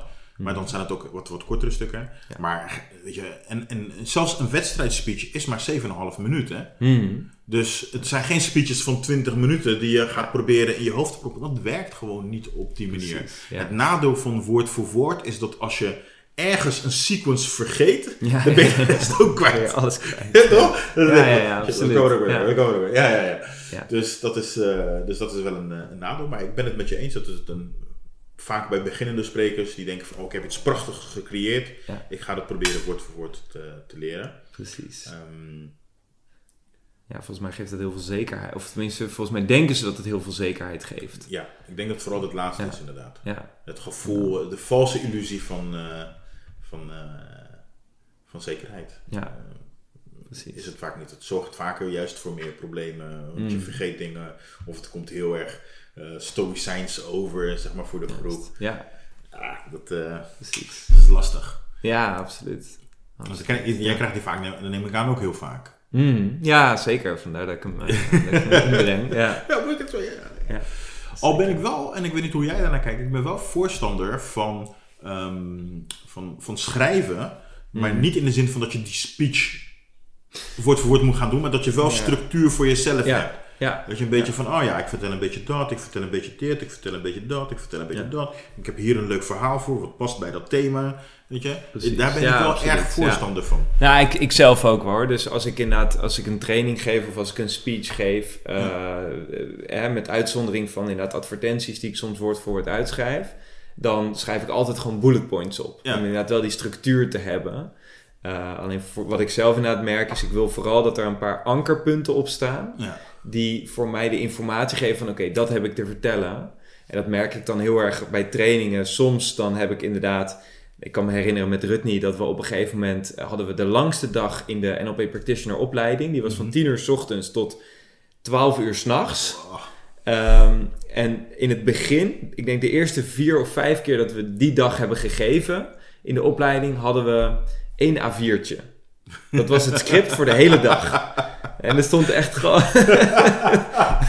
knap, knap. Ja, dat was echt. er stond eigenlijk alleen maar welke technieken we gingen Ja. doen. hè. De- dat was het. En verder hadden we gewoon. Op een gegeven moment hadden we gewoon al die verhalen. Op de een of andere manier, als hij dan een verhaal vertelde, dan wist ik, oh ja.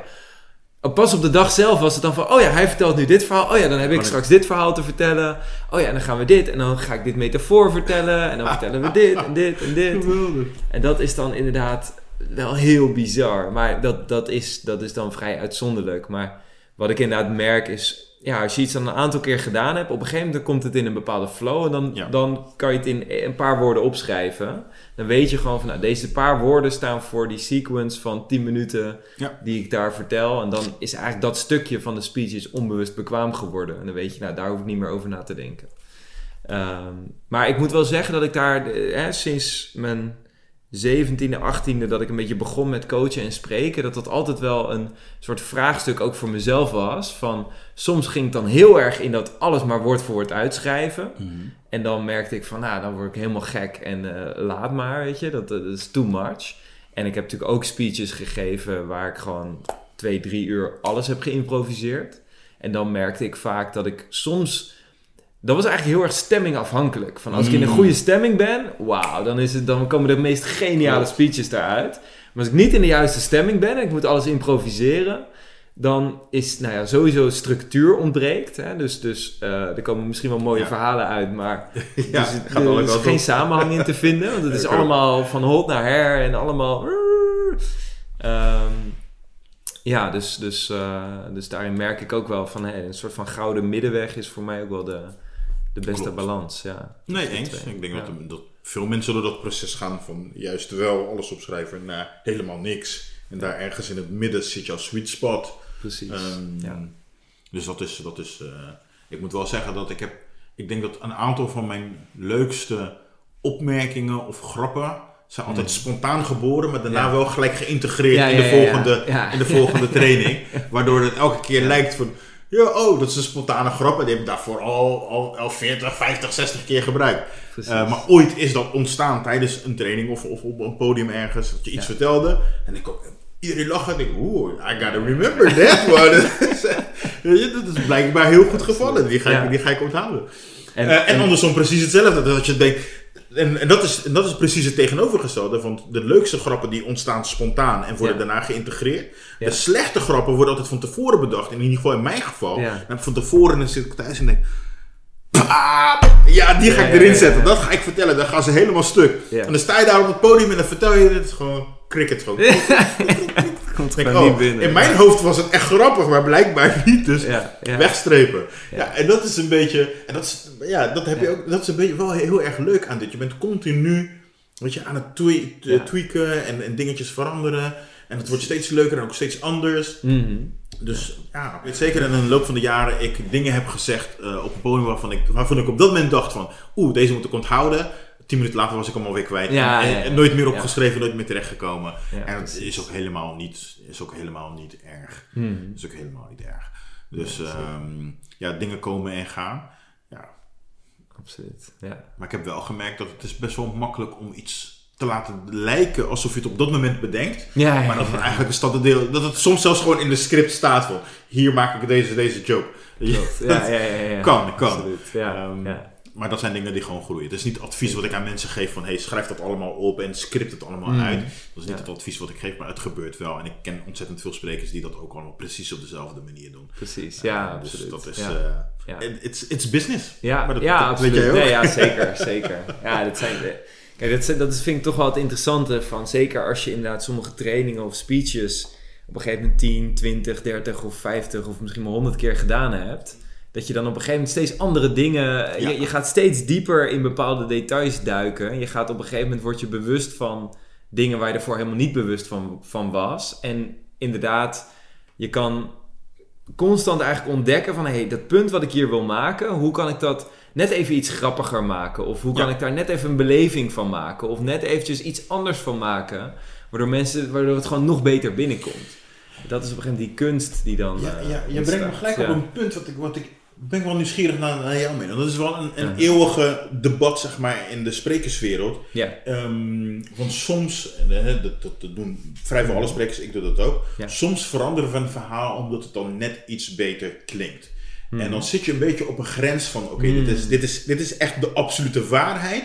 Of het is gebaseerd op eh, Ja, ja, ja, eh, eh, realistische, waar gebeurde feiten. Weet je? Dat, met, films heb je dat onderscheid natuurlijk ook. Je hebt een waar gebeurd verhaal, gebaseerd op een waar gebeurd verhaal en gebaseerd op waar gebeurde feiten. Hmm. En deze is heel erg abstract. Want dat betekent dat maar één ding in het film hoeft waar te zijn en de rest mag verzonnen worden. Dit is een aantal en deze is gewoon zoals het is. ja, En dat is een beetje een, een gebied, omdat je wilt natuurlijk wel... Ja, je wilt, je wilt gewoon integer zijn naar je publiek. En Ja. gewoon van, hé, hey, Ja. dit is wat mij is overkomen. absoluut. Maar ja, soms dik je net iets aan of overdrijf je iets. Of Hmm. zegt iemand iets wat die persoon misschien niet heeft gezegd. Maar dat past gewoon goed voor het verhaal. Hoe- kijk, ja. hoe kijk jij daarnaar voor het opzoeken van die grens van... Oké, verhaal een beetje aandikken tot aan gewoon compleet verzonnen. ja. ja, nee, dat is inderdaad een hele interessante. Leuk dat je het benoemt. Eh, wat, ik, wat ik zelf merk is dat sowieso, dus een, een, een interessante ehm, feitje wat ik een tijdje geleden hoorde, is dat eh, we denken vaak dat we een herinnering herinneren, letterlijk zoals we die eerste herinnering herinneren. Alleen wat we in feite doen, hoe ons brein werkt, is dat elke keer dat we terugdenken aan een herinnering. Dan halen we eigenlijk de laatste keer op dat we daar aan Ja. gedacht hebben. Ja, het is een Dus kopie oftewel, van een kopie. ja, dus onze herinneringen worden een soort van kopie van een kopie van een kopie. ja. En wat ik dus heel erg merk is dat ook mijn verhalen op die manier een soort van steeds veranderen. Ja. Dus als ik een verhaal twintig keer vertel, dan... Ik kan me namelijk nog heel goed herinneren, een van de verhalen die ik, die ik vertel van hoe, hoe ik met spreken begonnen ben. Eh, de eerste keer dat ik dat verhaal vertelde, was het heel erg zoeken van hoe was dat ook alweer precies. En weet je, dat is het acht jaar geleden, dan ben je aan het zoeken naar de feiten. En een heleboel van die details kan je niet echt invullen. Dus daar maak je dan maar iets van. Hè? Ja. Van hoe de zaal eruit zag. Of gewoon. Hè, Ja. De krachtigste manier om te vertellen is natuurlijk heel erg. Ik, ik noem dat dan zelf belevend vertellen. Dus dit is wat ik zie, dit is wat ik hoor, dit is wat ik voel. Om echt in die ervaring te stappen, zodat je publiek echt kan meeleven. Ehm, en daarin, ja, soms, soms ontbreken een beetje die details. Van ik weet nog wel ongeveer wat er gebeurd was. Ja, ja, ja, ja. Maar ja, hoe ik me op dat moment voelde, of wat ik precies zag, of wat ik tegen mezelf zei op dat moment, dat ga ik dan toch maar een beetje invullen om het belevend te kunnen vertellen. Ja. Omdat ik anders, ja, anders is het van nou, eh, ik werd toen gevraagd om een presentatie te geven. Ja, ik was wel heel zenuwachtig, maar ik heb het uiteindelijk toch gedaan. Dat is geen verhaal, dat is gewoon een, een, een feitje wat je vertelt.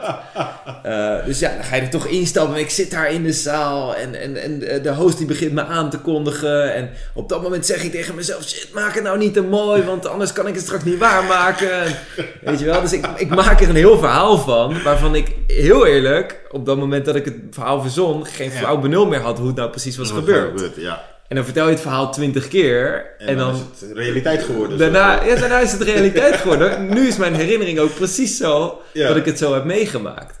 En, en, en in die twintig keer is het ook nog elke keer een klein beetje veranderd. eh, dat je dat verhaal vertelt. Dus, ehm, dus ja, ik, ik, ik vraag me af of we überhaupt echt een herinnering zo kunnen reproduceren, letterlijk zoals het gebeurd is. Wel doe ik altijd mijn best om inderdaad geen feiten te gaan veranderen. Mm. Hè, dus dus eh, vooral de invulling van eh, om het pakkend te kunnen maken. Dus dit is wat ik zie, dit is wat ik hoor, dit is wat ik voel. Ook bepaalde dingen waarvan ik denk, hé, hey, dat is niet relevant. Dat kan ik weglaten uit dit verhaal. Of dat, weet je, er zijn altijd een heleboel dingen die je nog zou kunnen vertellen. Waarvan ik zeg, nou, ik kies ervoor om het niet te vertellen. Ehm, maar uiteindelijk is mijn intentie wel altijd om te zeggen: hé, hey, de feiten blijven wel de feiten. Ja, ja, precies. Voor zover ik het me goed kan herinneren, natuurlijk. Uh, en ik ga niet inderdaad allemaal dingen verzinnen of erbij halen. Of, uh, dat, uh, dat niet. Maar wat, wat ik wel eens doe, is bijvoorbeeld met coaching sessies. of hè, ik heb dan een, behoorlijk wat mensen gecoacht de afgelopen jaren.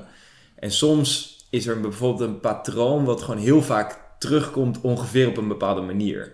Als ik dan voor de groep sta en ik wil een pakkend verhaal vertellen over een bepaald principe in coaching, dan vertel ik het alsof het met één persoon was.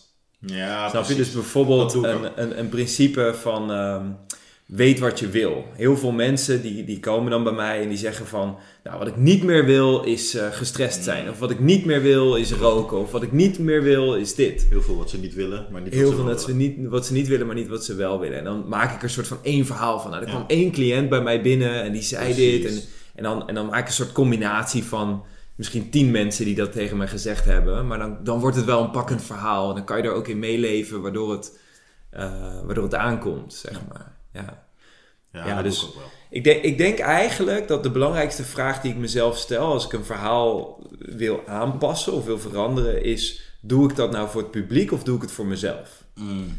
En als ik het voor mijn publiek doe, dan vind ik het prima om het voor hun beter te laten aankomen. Maar als ik het voor mezelf doe, voor mijn ego, van oh ja, maar dan kom ik beter uit de verf of dat soort dingen, weet je wel.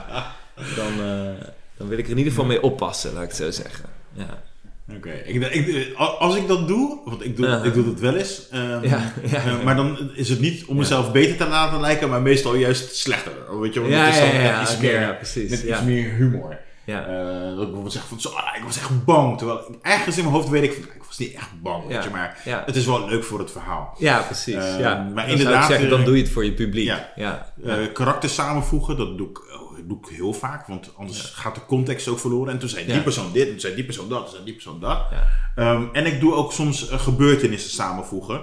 Hmm. Omdat ik anders ook heel veel context moet gaan uitleggen van ja, en toen een week later gebeurde er dit en toen weer. Dan denk ik van, ik heb één, één verhaal wat ik vertel over de, de titel van het verhaal is eh, een onvergetelijk weekend.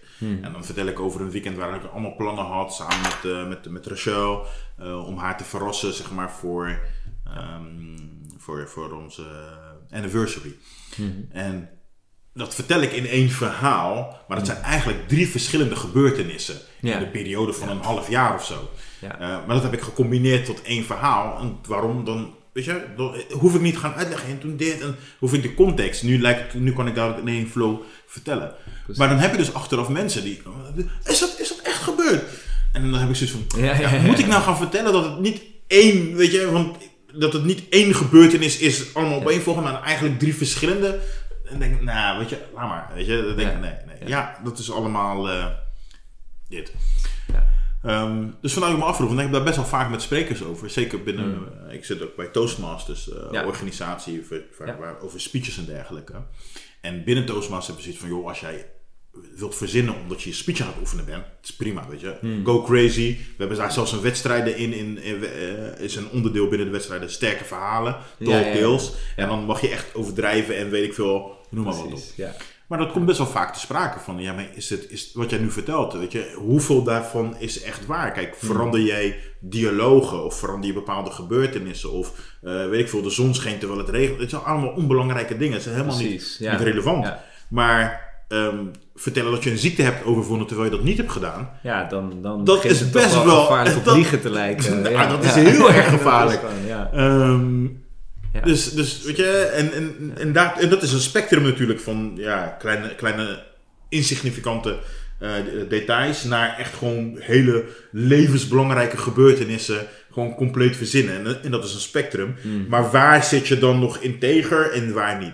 Ik Ja. merk dat dat best wel vaak te sprake komt. Ja. Ehm, dus ik was daar gewoon even, ik wou even, Ja. even nieuw, eh, nieuwsgierig naar. Ja, precies. Ja, het is heel interessant inderdaad. Ik krijg die vraag ook wel eens van mensen dat ze zeggen van oké, in zo'n verhaal moet het allemaal waar het gebeurd zijn of hoe zit het? En Ja, het is inderdaad een interessante. Ja, er zijn geen, geen geschreven regels voor. Nee, Ja, je klopt. hebt toch want- je eigen, ja, je eigen morele kompas een soort van aan te houden, denk ik dan. eh. Oh, absoluut. En Dus, laten we wel wezen, wij zijn, wij, zijn, wij zijn sprekers. We zijn op dat moment mensen aan het inspireren en aan het motiveren. We zijn niet een college aan het geven op de universiteit. Ja, Eh, dus empirisch vastleggen, weet je, je kan best wel dingen draaien als dat inderdaad is om bij te dragen aan het doel. Dus je wilt dingen minder complex maken. eh, of je wilt het eenvoudig maken voor het publiek om het te begrijpen. Of simpelweg, je weet het niet meer precies wat, wat er is gebeurd. Dus je vult het aan. Eh, dialogen, weet je, iemand maakt een grappige opmerking, terwijl misschien werd er helemaal niks gezegd op dat moment, maar het is gewoon leuk. Nou, nou, en toen Maar zei mijn vader van, eh, schiet dan je. Ik heb, ik heb een verhaal over een basketbalwedstrijd van mij. Mhm. En dan, en dan leg ik dus uit dat ik heel nerveus was en noem maar wat op. En dat er dan eh, vanuit het publiek iemand keihard roept van... Schiet dan joh, Mietje! En Ja. dan, weet je, dan zeg ik van, joh, dat was mijn vader, weet je. En iedereen ligt dood. hoor. Mijn vader heeft dat nooit geroepen tijdens de wedstrijd. Ja, ja, ja. Maar het was wel een leuke invulling op dat moment voor het, voor het verhaal, zeg maar. En ook om aan te geven van, hey, zoveel spanning heerst daar. ja, ja. Ehm, dus, dus dat soort dingen, ja, dat is, dat is, vind ik, kan, doe dat ook gewoon. Als mensen zeggen, kan ik dat? Ja, tuurlijk, absoluut, weet je. Ja. Als iets heeft plaatsgevonden, ook, ook met jaartallen ben ik, ben ik heel makkelijk. Ehm, als iemand zegt van, ja, weet je, het is, eh, eh, recent is dit gebeurd, weet je. Mhm. Dan denk ik van, ja, nou, is prima als jij dat op die manier wilt vertellen. Want het heeft totaal geen Ja, ook al was het bijvoorbeeld vijf of tien jaar je, geleden. dat heeft geen precies, impact. Ja. Maar ja. wat ik, dat voorbeeld wat ik net gaf, en dat was niet zomaar een voorbeeld, dat, is, dat, dat heb ik echt meegemaakt. Dat iemand inderdaad een verhaal aan het vertellen was over het eh, overwinnen van kanker als ziekte, terwijl dat helemaal niet gebeurd is. En dat vind ik wel Mm, echt grensoverschrijdend. Ja, ja. Het is niet dat je Ja. zegt van ja, en toen was ik verkouden of ik heb mijn been gekneusd. Ja, ja, ja, precies, ja, ik. Heb, ik, heb, ik heb kanker overwonnen om heftig, sympathiepunten zeg maar, te winnen. Ja. Ja, Ja, nee, dat, dat, dat gaat wel te ver. Ja, nee, Dat daar, gaat eh, heel erg ver. Ja, zeker. Tenzij het binnen de categorie Talltales eh zou Ja, vallen, wat je ja, zegt. Van, ja. als, als je er bewust van bent. Net zoals comedians, die verzinnen natuurlijk ook oh, gewoon absoluut. de hele boel bij elkaar. Of tenminste, dat, dat mag ik hopen soms als ik naar een comedian luister. Dan denk ik, hoeveel hiervan is nou op, feiten gebaseerd? Maar dan, dan is de context ook gewoon dat je weet van, oké, dit is... Het is een comedian, dus het Dat is het. waarschijnlijk is is, het. 90% De verzonnen of context is- aangedikt. Of, ja, is heel anders en dat is, wel, eh, ja, dat is wel heel tof inderdaad. Want ja, absoluut. Met, Ja. met de comedians is, is ook weer zo'n hele vak apart, weet je, waarin Zo. eigenlijk alles kan en alles mag, zolang het binnen de kunst, want dat vind ik het Ja. wel, ik vind het echt Mm. kunst, Hmm. ehm, om op die manier comedy eh, te maken. En ik heb Zeker altijd, tijdens Speak to Inspire bijvoorbeeld, dan nodig ik ook echt een comedian uit, Hmm. eh, om te laten zien van, hé, als we het hebben over op een podium Ja. staan, dan is dat niet alleen spreken, weet je. Ja, ja, zangers, Ja. ik heb wel vaak ook iemand die spoken word doet, van dat vind ik ook Mm. geweldig. Hmm. Ja. En een comedian. En gewoon puur om te laten zien van, oh, dat is ook een kunst op zich, weet je. Want dan heb je, los van het feit dat je op een podium staat, en zij hebben hele andere regels als het gaat bijvoorbeeld om structuur. Hmm. Weet je, hebben ze scheid aan, weet je. Als wij bijvoorbeeld zeggen van, ehm, hè, dat, dat hoe je kleedt, dat dat impact heeft hè, op je publiek. Mhm. Als je, al dat soort dingen, eh, lichaamstaal, daar hebben zij hele andere regels voor. Mhm. En dat is geweldig Ja, om te zien, dat contrast, dat je toch heel goed kan doen op een podium en heel geloofwaardig kan overkomen en heel overtuigend en vooral ook heel grappig. Mhm. zonder je te houden aan al die regels die we binnen presentatievaardigheden en sprekersvaardigheden wel proberen te hanteren. Geweldig! Zeker weten. Dat is echt buiten de box denken. Dat vind ik ook heel tof. Ja. Ja, ja, Echt. zeker. Terwijl zij, hebben hun, zij hebben ook wel structuur op hun eigen manier, want zij moeten een joke vaak opbouwen, ze moeten Hmm. Een setup doen, zodat ze die punchline kunnen geven natuurlijk. Precies. Dus, maar dat zijn hun eigen, ei- andere regels die daarvoor gelden. Ja, geweldig. Ik, eh, ik vind het geweldig om te zien. Hmm. Ehm, ik heb ook op mijn bucketlist staan om ook echt een keer een open mic comedian eh, mee te gaan doen. Gewoon, Ja, weet je, oh, ik, ga, ik ga het gewoon proberen. Ja, ja, ja. ja. Ehm, terwijl, Ja. ik weet voor mezelf, ik kan wel grappig zijn tijdens een speech, maar ik ben geen comedian. Ja, nee, dat is een groot Je- dat verschil. is Ja, echt een ja, groot verschil. Ja. Als je een, een grapje maken of je, je- de mensen, haha, grappig. Dat is een hele andere tak van sport dan echt. Maar het is wel iets waarvan ik denk van, oh, ik zie daar echt heel veel uitdaging in. Dus ik wil dat graag een keer gaan proberen. Dat is heel Gewoon- gaaf, man. Laat, laat me weten als je dat een keer gaat doen. Het- het- Gaan we het samen? Het lijkt me echt heel tof. Dat is, eh, dat is echt, het is al heel lang. Ik had, vroeger had ik altijd de, de overtuiging van ik ben geen grappige spreker. Ja, Weet je wel? Dus het was altijd, ik had, ik had zoiets van, oké, ik heb veel kennis, veel dingen te delen, mooie technieken, maar grapjes maken, dat zit er Ja. gewoon niet in. op een gegeven moment ben ik steeds meer gaan merken van als ik zelf relaxed ben op het podium, dan, ik, ik weet niet waar ze vandaan komen, maar die grappen die komen, op een gegeven moment. Gewoon als je in de juiste stemming bent. Maar ik vind het nog steeds, moet ik zeggen, vind ik het nog steeds wel uitdagend om grappen voor te bereiden of te bedenken. Ja. Ik heb gewoon op het podium komen ze spontaan en inderdaad wat je zegt, dan schrijf ik ze op. en dan de volgende keer, meestal lukt het dan wel om ze te reproduceren. Dus speeches die ik vaak gedaan heb, die zijn gewoon op een gegeven moment in mijn ogen heel grappig geworden. Dat is gewoon door het vaak te doen, Ja, weet je wel. Tuurlijk, maar het lijkt, mij, het lijkt mij best een uitdaging om te zeggen van... Oké, ga maar een comedyavond echt met als doel om het gewoon grappig te maken. Ja, Zo, dat is echt- eh, Ja, ik weet niet, het lijkt me echt zo'n uitdaging om dat te proberen. En, Ja, eh, ja, nou ja, ik bedoel, eh, wij, wij zijn ook continu bezig om jezelf verder te ontwikkelen. Ik denk dat die ervaring, Precies, Ja, ja, dat is wel even uit de comfortzone, maar wel, absoluut. Ja. ja. Ik, krijg, ik, weet je, ik voel gewoon nu gewoon dat ik, het, dat ik het Ja. heb, voel ik al een beetje van, oeh, spannend. Grappig is dat, hè, dat je fysiologie meteen daar... eh, Ja, ja, ja, ja, precies. Het doet gelijk wat met je. Ja, Het doet gelijk wat ik met je. het ook al Ja, voor me. nee, het lijkt me wel echt tof. Het staat echt op mijn bucketlist om een keer te gaan doen. Ik vind het, eh, ja, lijkt me zo uitdagend. Laten we het gaan doen. Laten we ervoor gaan, absoluut. Shit, nou heb ik me gecommit ook nog Ja, ja, ja, ja, ook nog op camera. Het staat, Staat vast, vast. je kan er niet meer onderuit. Ongelooflijk, ja.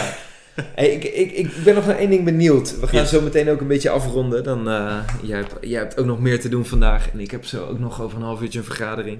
Ehm, ik ben nog naar één ding benieuwd. Eén ander ding waar ik, wat ik heel lang best uitdagend heb gevonden als spreker... was het, het vinden van verhalen. Gek Mm. genoeg.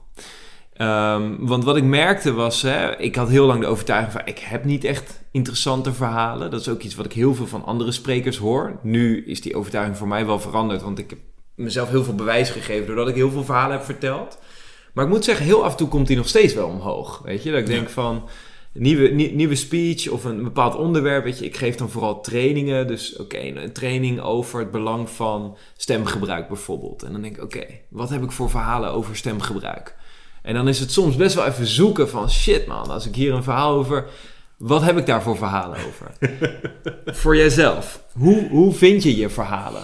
Want we, we hebben ze, alleen soms is het lastig om er even bij te komen. Ja, dat is ik- vooral mijn ervaring. Ik, ik, Ja. ik denk dat het echt een van de betere vragen is als het gaat over, over, over spreken. ja, Eh, want iedereen weet inmiddels wel het belang van storytelling. Dat hoeven we niet uit te leggen hoe belangrijk dat is en wat voor impact dat heeft. Ja. En ik vind ook dat we nu in een tijdsperiode zijn aangekomen dat we niet meer zo specifiek ehm, op, op sprekerstechnieken hoeven te focussen. Hmm. Als zijnde van, oh je moet oogcontact maken met iedereen. Iedereen weet dat inmiddels wel, dat is wel Ja. helder. Een van de betere vragen is inderdaad van, als we weten dat storytelling inderdaad zo belangrijk is, hoe komen we dan aan de juiste verhalen voor, om het juiste punt te maken? precies. En ik heb ooit, ik, ik, ik blijk even op de naam. Ehm, maar ik was een YouTube filmpje aan het kijken en iemand had het. En oh ja, Eric is daar later ook mee gekomen, maar dit is nog van veel, te, veel eerder daarvoor. Een, een story database. Mhm. En ik heb bijvoorbeeld zelf wat ik doe. Ik, ik heb een, een app, dat heet Evernote. Dat gebruik ik sowieso voor heel veel notities. Ja. Maar als ik ergens ben, en of er gebeurt thuis iets, eh, een van mijn kinderen maakt een bepaalde opmerking, dat ik vaak denk van, oeh, dat is, dat is een goede om te gebruiken tijdens de training. Mhm. Want dat is wel met sprekers, onze, Ja. onze contentmachine staat altijd aan. Ja, ja, Weet je, het is nu, het moment van, altijd als er iets gebeurt, of ik spreek iemand, of er gebeurt iets, denk ik van, oeh, dat zou ik misschien ooit in een training kunnen gebruiken. Maar ik heb er op dat moment geen toepassing voor of zo. Ik denk alleen van, this, is a nice, this would be a nice story to tell. En, dan, en dan sla ik hem op, weet je, en dan doe ik even een paar, één of twee zinnen, zodat ik, weet je, wel weet Hmm. van waar gaat het ook weer over. En dan sla ik dat op. En dan heb je dus op een gegeven moment heb je echt een database met allerlei dingen en die later dan wel uitwerk. Ja. Ehm, het punt is, en, en, en ik herken heel erg wat in jij zegt, het niet hebben van interessante verhalen. Hmm. Ik ben soms bij, bij, bij conventies of, of eh, op YouTube of wat dan ook. En dan zie ik mensen praten, die hebben dingen meegemaakt. Dat ik denk van, oh wauw. ja. Is geweldig, weet je. Dat je dat, Ja. en echt verhalen, dat je helemaal amazing. Ja. En dan denk ik van, shit, maar ik, ik heb het helemaal niet meegemaakt, weet je. Ik ben zo'n persoon, ik ben hier opgegroeid. Ehm, weet je, mijn ouders hadden gewoon een normaal inkomen. Dus ik heb niet echt moeten struggelen met dat of zo Hmm. in mijn jeugd. Ehm, geen hele gekke dingen meegemaakt. Geen Mount Everest beklommen of Ja, zo, weet je. ja, dus gewoon hele simpele, normale dingen heb ik meegemaakt. Ja. Maar die gebruik ik dus ook. Als Ja. jij kijkt naar mijn database, of als, überhaupt als ik op een podium sta, wat je opvalt is dat denk, nou, 50% van mijn verhalen heeft iets te maken met mijn kinderen. Hmm. Iets wat ze hebben gedaan of iets waar ik dan een les uit trek. Ja, precies. En dus daar haal ik mijn verhalen, verhalen vandaan. Met de dingen die ik gewoon in het dagelijks leven meemaak. Het idee dat je verhaal bovengewoon of buitengewoon moet zijn, Mhm. Is, is eigenlijk helemaal niet zo. Tuurlijk is het spannend als iemand een verhaal kan maken waarbij hij vier kinderen uit de flat heeft gered eh, met gevaar voor eigen leven. Ja, precies, en ja. daarnaast dat je de brandweer heeft geholpen met het eh, blussen van alles. En daarna de politie heeft geholpen met het opsporen van de draden. En die zit nu vast wegens brandstichting. Tuurlijk is zo'n verhaal amazing. Mhm. Maar dat hoeft niet om jouw punt over te brengen. Juist. En dat was wel een van de eerste dingen wat ik voor mezelf moest realiseren. Want op een gegeven moment werd ik zo'n persoon. En binnen de Toastmasters maken we daar heel grappig over. Dat wij zijn de enige mensen die een verschrikkelijk verhaal kunnen aanhoren. En het enige idee wat je omkomt... Damn, dat zou echt mooi zijn voor een speech, weet je. Dat iemand echt zijn hart uit van... Oh, ik Hmm. Ja, heb dit ja, ja, meegemaakt en ik heb dit daden... En toen is die overleden in mijn omgeving. En dat wij eerste, onze eerste gedachte is van... Ja, dat, zou, dat zou een goed verhaal zijn voor op het podium, weet je. Ja. Echt zo heel rationeel ernaar kijken. Ja, precies. Eh, Ja. Of dat iemand anders iets verschrikkelijks is, is gebeurd en dat je denkt van... Man, als dat mij was overkomen, dan had Ja, dan had ik een goed verhaal gehad. Dan had ik echt een goed verhaal gehad, weet je. Ja, ja. Dus dat zijn echt van die... Oh, ja. Dat was, dat was natuurlijk een tijdje geleden. De- de- de- deze komt nog heel sterk bij mij naar boven. Toen eh, was er in, eh, in Amerika, volgens mij, was in, in, in San Diego Zoo, als ik me niet vergis, was er een jongetje in het, in het apending gevallen. Ja. Ehm, en, dat, en, dat, en dat de aap, of de gorilla eh, verblijf. En dat die gorilla hem gewoon ging verzorgen, een soort van. Ik dacht, bam, als die dude groot is, die heeft een verhaal. Ja, absoluut. Ja. Echt bizar, te bizar voor woorden. Ja. Dat soort dingen denken wij dus. Maar dat hoeft dus helemaal niet. Begin gewoon met de dingen. En ehm, tijdens mijn trainingen zeg ik vaak tegen mensen van... Je hebt zat verhalen. Mhm. Ehm, denk bijvoorbeeld aan de eh, brainstorm sessie. Denk bijvoorbeeld aan de tien meest leuke dingen die je zijn overkomen. Ja. Wat zijn de tien meest eh, embarrassing? Weet je, waar je Ja, echt, weet je, ja, echt van... Oh? Wat zijn de tien dingen waar in je leven waar je echt boos om bent geworden? Ehm, schrijf de tien dingen op waar je echt verdriet of spijt van hebt.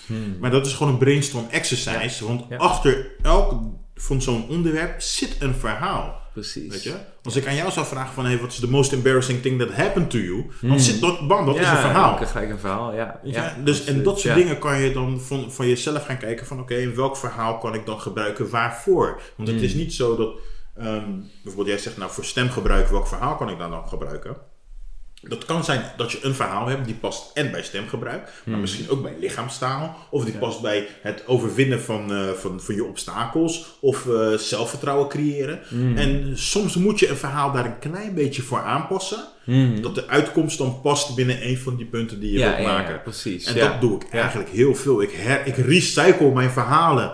En de ene keer kan ik staan en dan kan het gaan over bijvoorbeeld het ontwikkelen van een tienerbrein. Wat ik een tijdje geleden heb gedaan. Dan gebruik ik hetzelfde verhaal voor als wanneer ik een leiderschapstraining doe. Alleen de uitkomst van het verhaal, Hmm. Ja. de boodschap die ik eruit haal, is: dit is een boodschap gericht op leiderschap. Dit is een, een, een, een, boodschap gericht op omgaan met tieners. Ja, Ja, dat ligt precies. best wel ver uit elkaar. Maar het is hetzelfde verhaal. Alleen hier leg ik wat niet meer de nadruk op bepaalde keuzes die ik misschien heb gemaakt. En hier wat meer op het gevoel wat ik had. Dus, weet je, hergebruik dat. Ehm, maar die brainstorm exercise is wel een goeie. Waar, ik weet ook niet meer waar die vandaan kwam. Die heb ik Misschien- ook ergens gehoord. Je, je, je had het inderdaad over het in Evernote zo aanpassen. Wat, wat een goede kan zijn. De tip die ik wel eens hoorde is om dan inderdaad een bepaalde van die zoekwoorden eraan te geven. Of Ja, van die tags. zeg Ja. maar. eh, dat je inderdaad zegt van nou dit kan leiderschap zijn of lichaamstaal. Of, en dan kan je het ook mooi terugvinden als je dan zoekt van Ja. oh ja, eh, lichaamstaal. Ja, ik vind Evernote echt een geweldige app. Ik eh, gebruik het voor heel veel dingen. Er ja. zit ook een voice memo functie in. Want Soms zit ik in de auto en dan heb ik niet de tijd om dingen in te gaan tikken. Dus dan spreek ik het even in. Mhm. Ja. Valkuil daar is dat ik dan later geen zin meer heb om het uit te schrijven. Of dan denk ik bij mezelf, eh, misschien heb je dat ook wel eens. Ik onthoud het wel. Ja, ja, ja, ja, absoluut, absoluut. Ah, ik onthoud het wel. Killing. Ja, Ja. Dan, zit, dan zit ik iets en dan denk ik, iemand zegt wat op de radio of eh, wat dan ook. En dan denk ik van, oh wacht, ik heb dat een keer. Ja. Oh ja, dat zou wel een goede zijn voor de training. En dat past daarbij. En dan heb ik het in mijn hoofd al redelijk uitgewerkt. Ja, ja, ja. En dan de grootste mistake, ik onthoud het wel. Het werkt niet. Dat is doesn't met work. spreken, Doesn't maar ook met work. ondernemen, met gewoon Doesn't work. echt geleerd. Je kan dit ding niet al te veel vertrouwen. En je hebt gewoon inderdaad ook, ook ja, dat ken je misschien ook wel van to-do's. Wat wel grappig is bij dus, dit eh, stukje, ik ja. heb, want dat, dat- dat heb ik, heb dat heb ik echt al jaren geleden heb ik dat, heb ik dat ooit een keer verteld. Hmm. Ik vertelde hem aan Roetny en hij gebruikt nu precies hetzelfde voorbeeld gebruikt hij nu in zijn training. Ik weet even niet of hij dat bij de NLP doet of bij een andere training. Maar ik heb hem al een paar keer zeggen, hé, hey, dat, is- dat was mijn tip, eh, vriend. Geweldig. Dus dat is leuk. Ja. Ehm, dus ja, maak gebruik van de technologie die we nu hebben. Sowieso voor, voor, voor speechen en dergelijke heb je echt wel hele toffe apps. Je hebt een, ehm, ehm, de ehm, tekst, speech-to-text werkt tegenwoordig zo goed. Dat je gewoon kan neerzetten. Zeker, want ik doe ook heel veel in het Engels natuurlijk. Ja. En dan ben ik mijn speech aan het bedenken en dan zeg ik het. Ja, en dan, ja, ja. dan ontstaat zo die tekst. En dan denk ik van, oh my Oh, god, this is goeie. awesome. Ehm, die gebruik ik heel vaak. Ik gebruik de speech calculator om te kijken hoe lang is het ongeveer. Maar dat is met name voor wedstrijden, omdat je daar echt tijdsgebonden bent. Mhm. Ehm, maar ook met, met politieke speech. Ik, ik coach wel eens eh, eh, eh, of, of mensen van het wethouders of burgemeesters of de speechwriters van burgemeesters. Want sommige burgemeesters hebben tegenwoordig hun eigen speechwriter. Hè? Dat is een, Mhm. Zeker van de wat grotere steden. Mhm. En met hun heb ik het daar heel vaak. Speech calculator, wat is dat nou? Ik zeg, je hebt je speech heb je uitgeschreven, want hè, die in politiek wordt zo uitgeschreven. Knippen, plakken in de speech calculator en dan zegt hij nou, deze speech als je ongeveer zo snel praat, dus dan heb je langzaam, gemiddeld en snel, en ik weet van mezelf ongeveer, dan zegt hij, duurt 14 minuten en 30 seconden ongeveer. Ja, ja, precies. Ah, is, Ja, is dat briljant. ideaal. Is Ja, briljant. En natuurlijk, je moet dat weet je, met een bepaalde marge nemen en ook reactie rekening houden met de dat- reactietijd van de Dat kan dus alleen als je wel woord voor woord hebt uitgeschreven. Ja, dat is voor, Ja. maar dan voor dat soort speeches is en, voor, eh, en voor mensen die het uitschrijven natuurlijk. Hè. Ja, Dan kan je, dat, kan dat heel goed aanpassen. Dus dat doe ik. ja. Ehm, ik zat te denken, is er nog een andere app die? Nee, dat is niet, niet specifiek. Dat, dat zijn dan denk ik wel de belangrijkste. Evernote. Mhm. Evernote of OneNote. Ik gebruik ze, merk ik, beide een beetje door elkaar heen. Ehm, heeft dus precies dezelfde functie. eh, dus dat is wel leuk. En daar heb ik dus, en dat kan ik zelfs laten zien, ehm, als, je, als je kijkt bijvoorbeeld, eh laat eens eentje pakken die, eh, we hebben er, wat is, eh,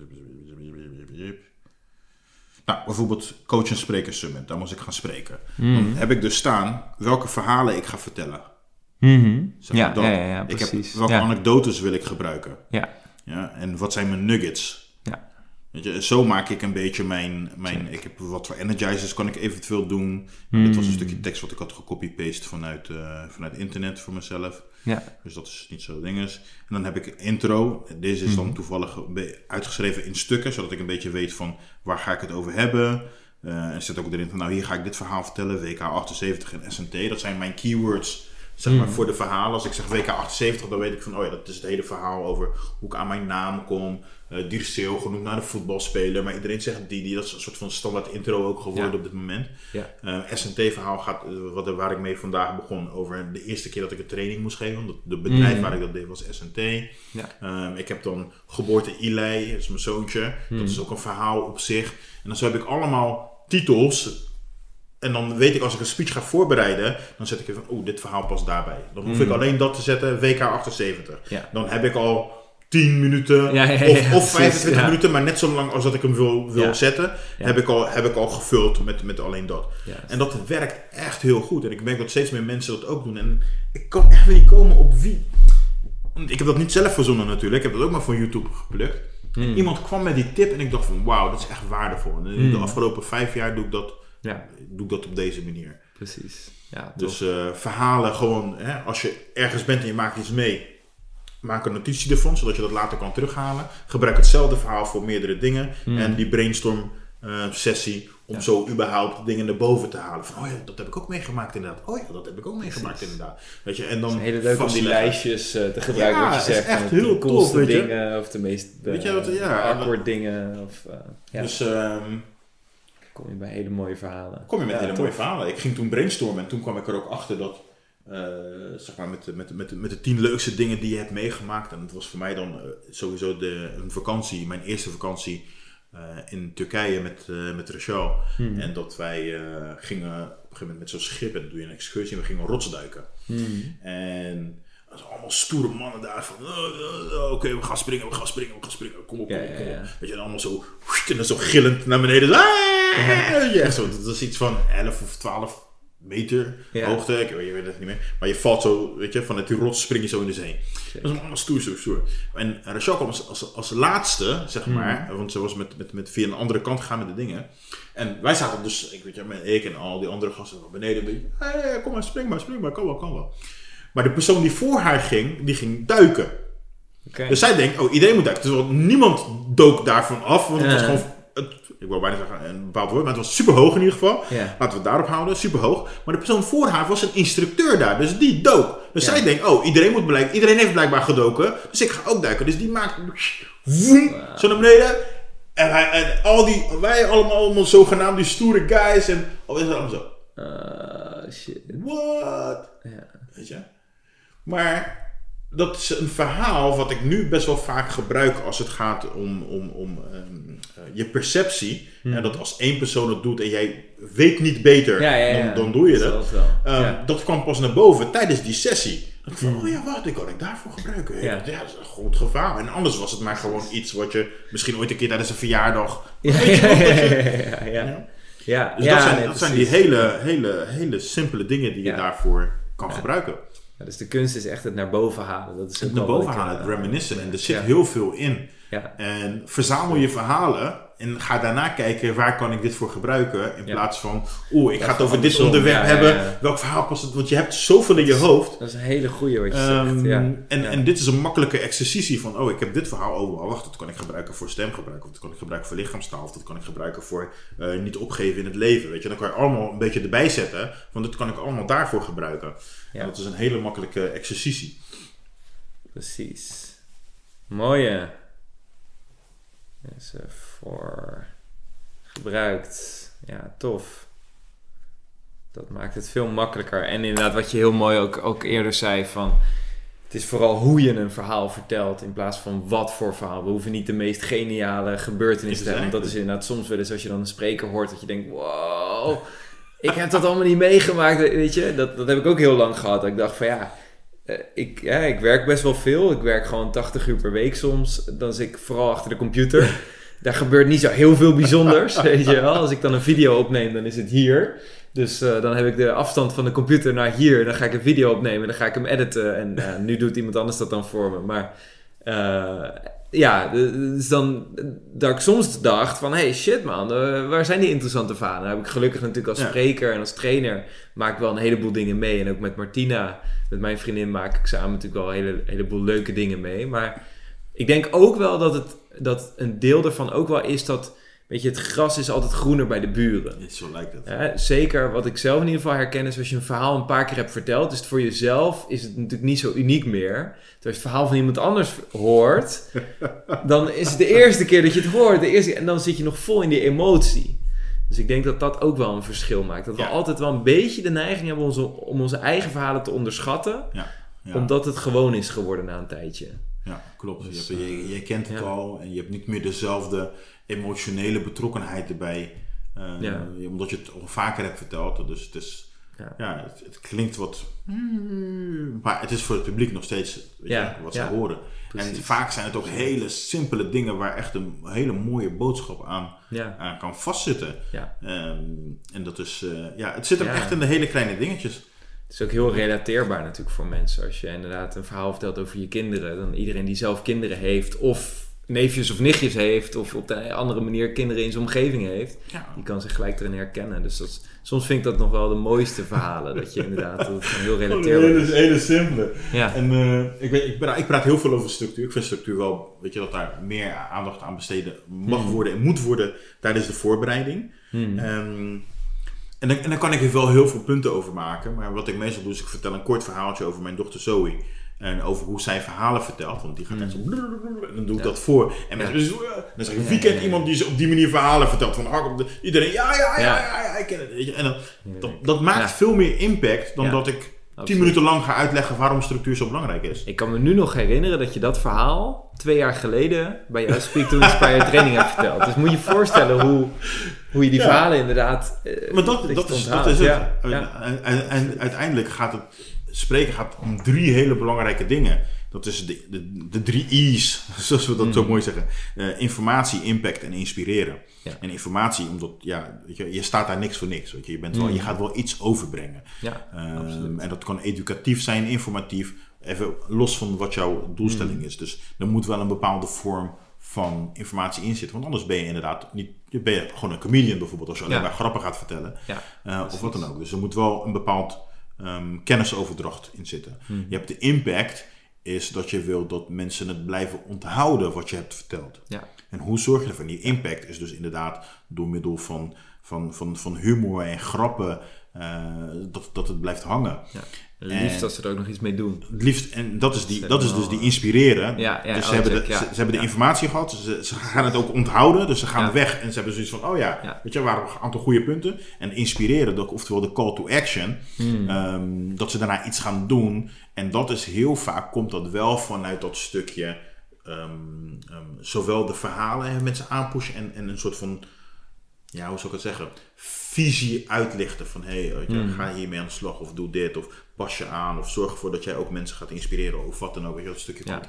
is heel Ja. belangrijk en dat dat makkelijk voor. Dus uiteindelijk alles wat we doen valt onder één van deze drie kopjes. En je hebt ze ook echt alle drie nodig.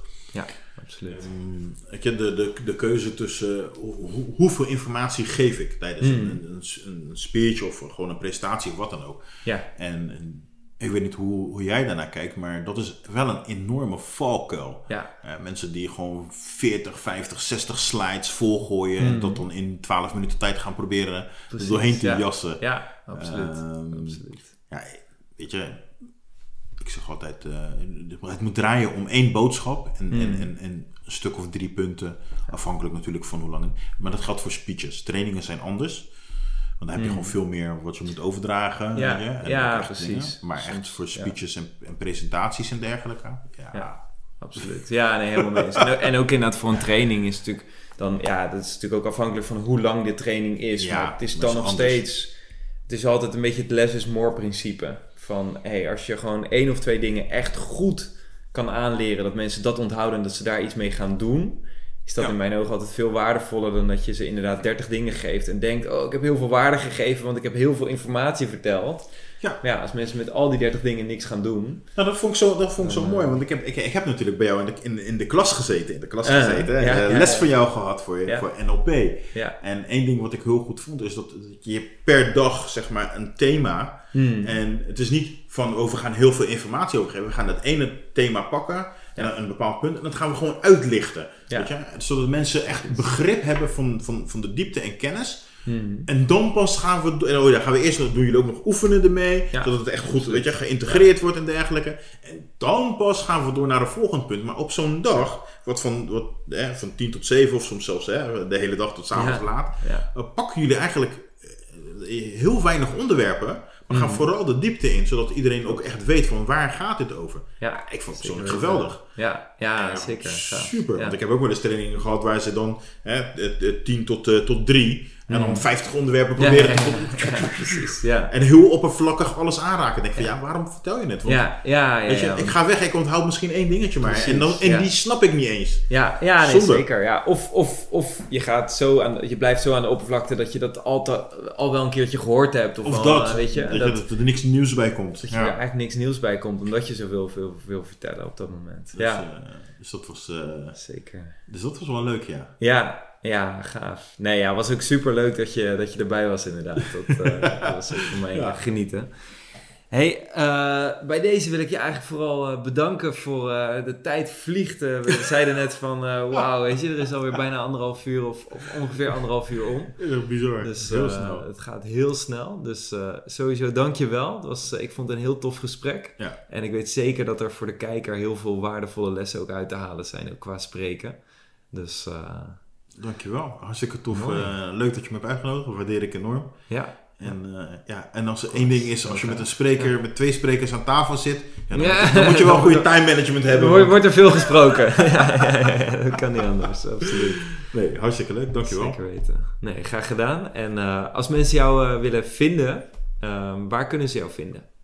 www.dircildasilva.com is very easy. Maar mag ook via LinkedIn of, of, of Facebook. Ik ben daar niet zo. Kan alles behalve Tinder op dit moment, want dat vindt mijn vrouwtje niet zo leuk. Ja, maar voor de rest, alle social media kanalen ben ik te vinden. Overal behalve Tinder. Perfect, perfect. Ik zal zorgen dat in de beschrijving onder de video dat, eh, dat de linkjes nog even te vinden zijn. Dan, eh, Super. komt En jullie bedankt voor het, eh, voor het kijken en voor het luisteren. Absoluut, absoluut. Yes, ciao ciao. Adios.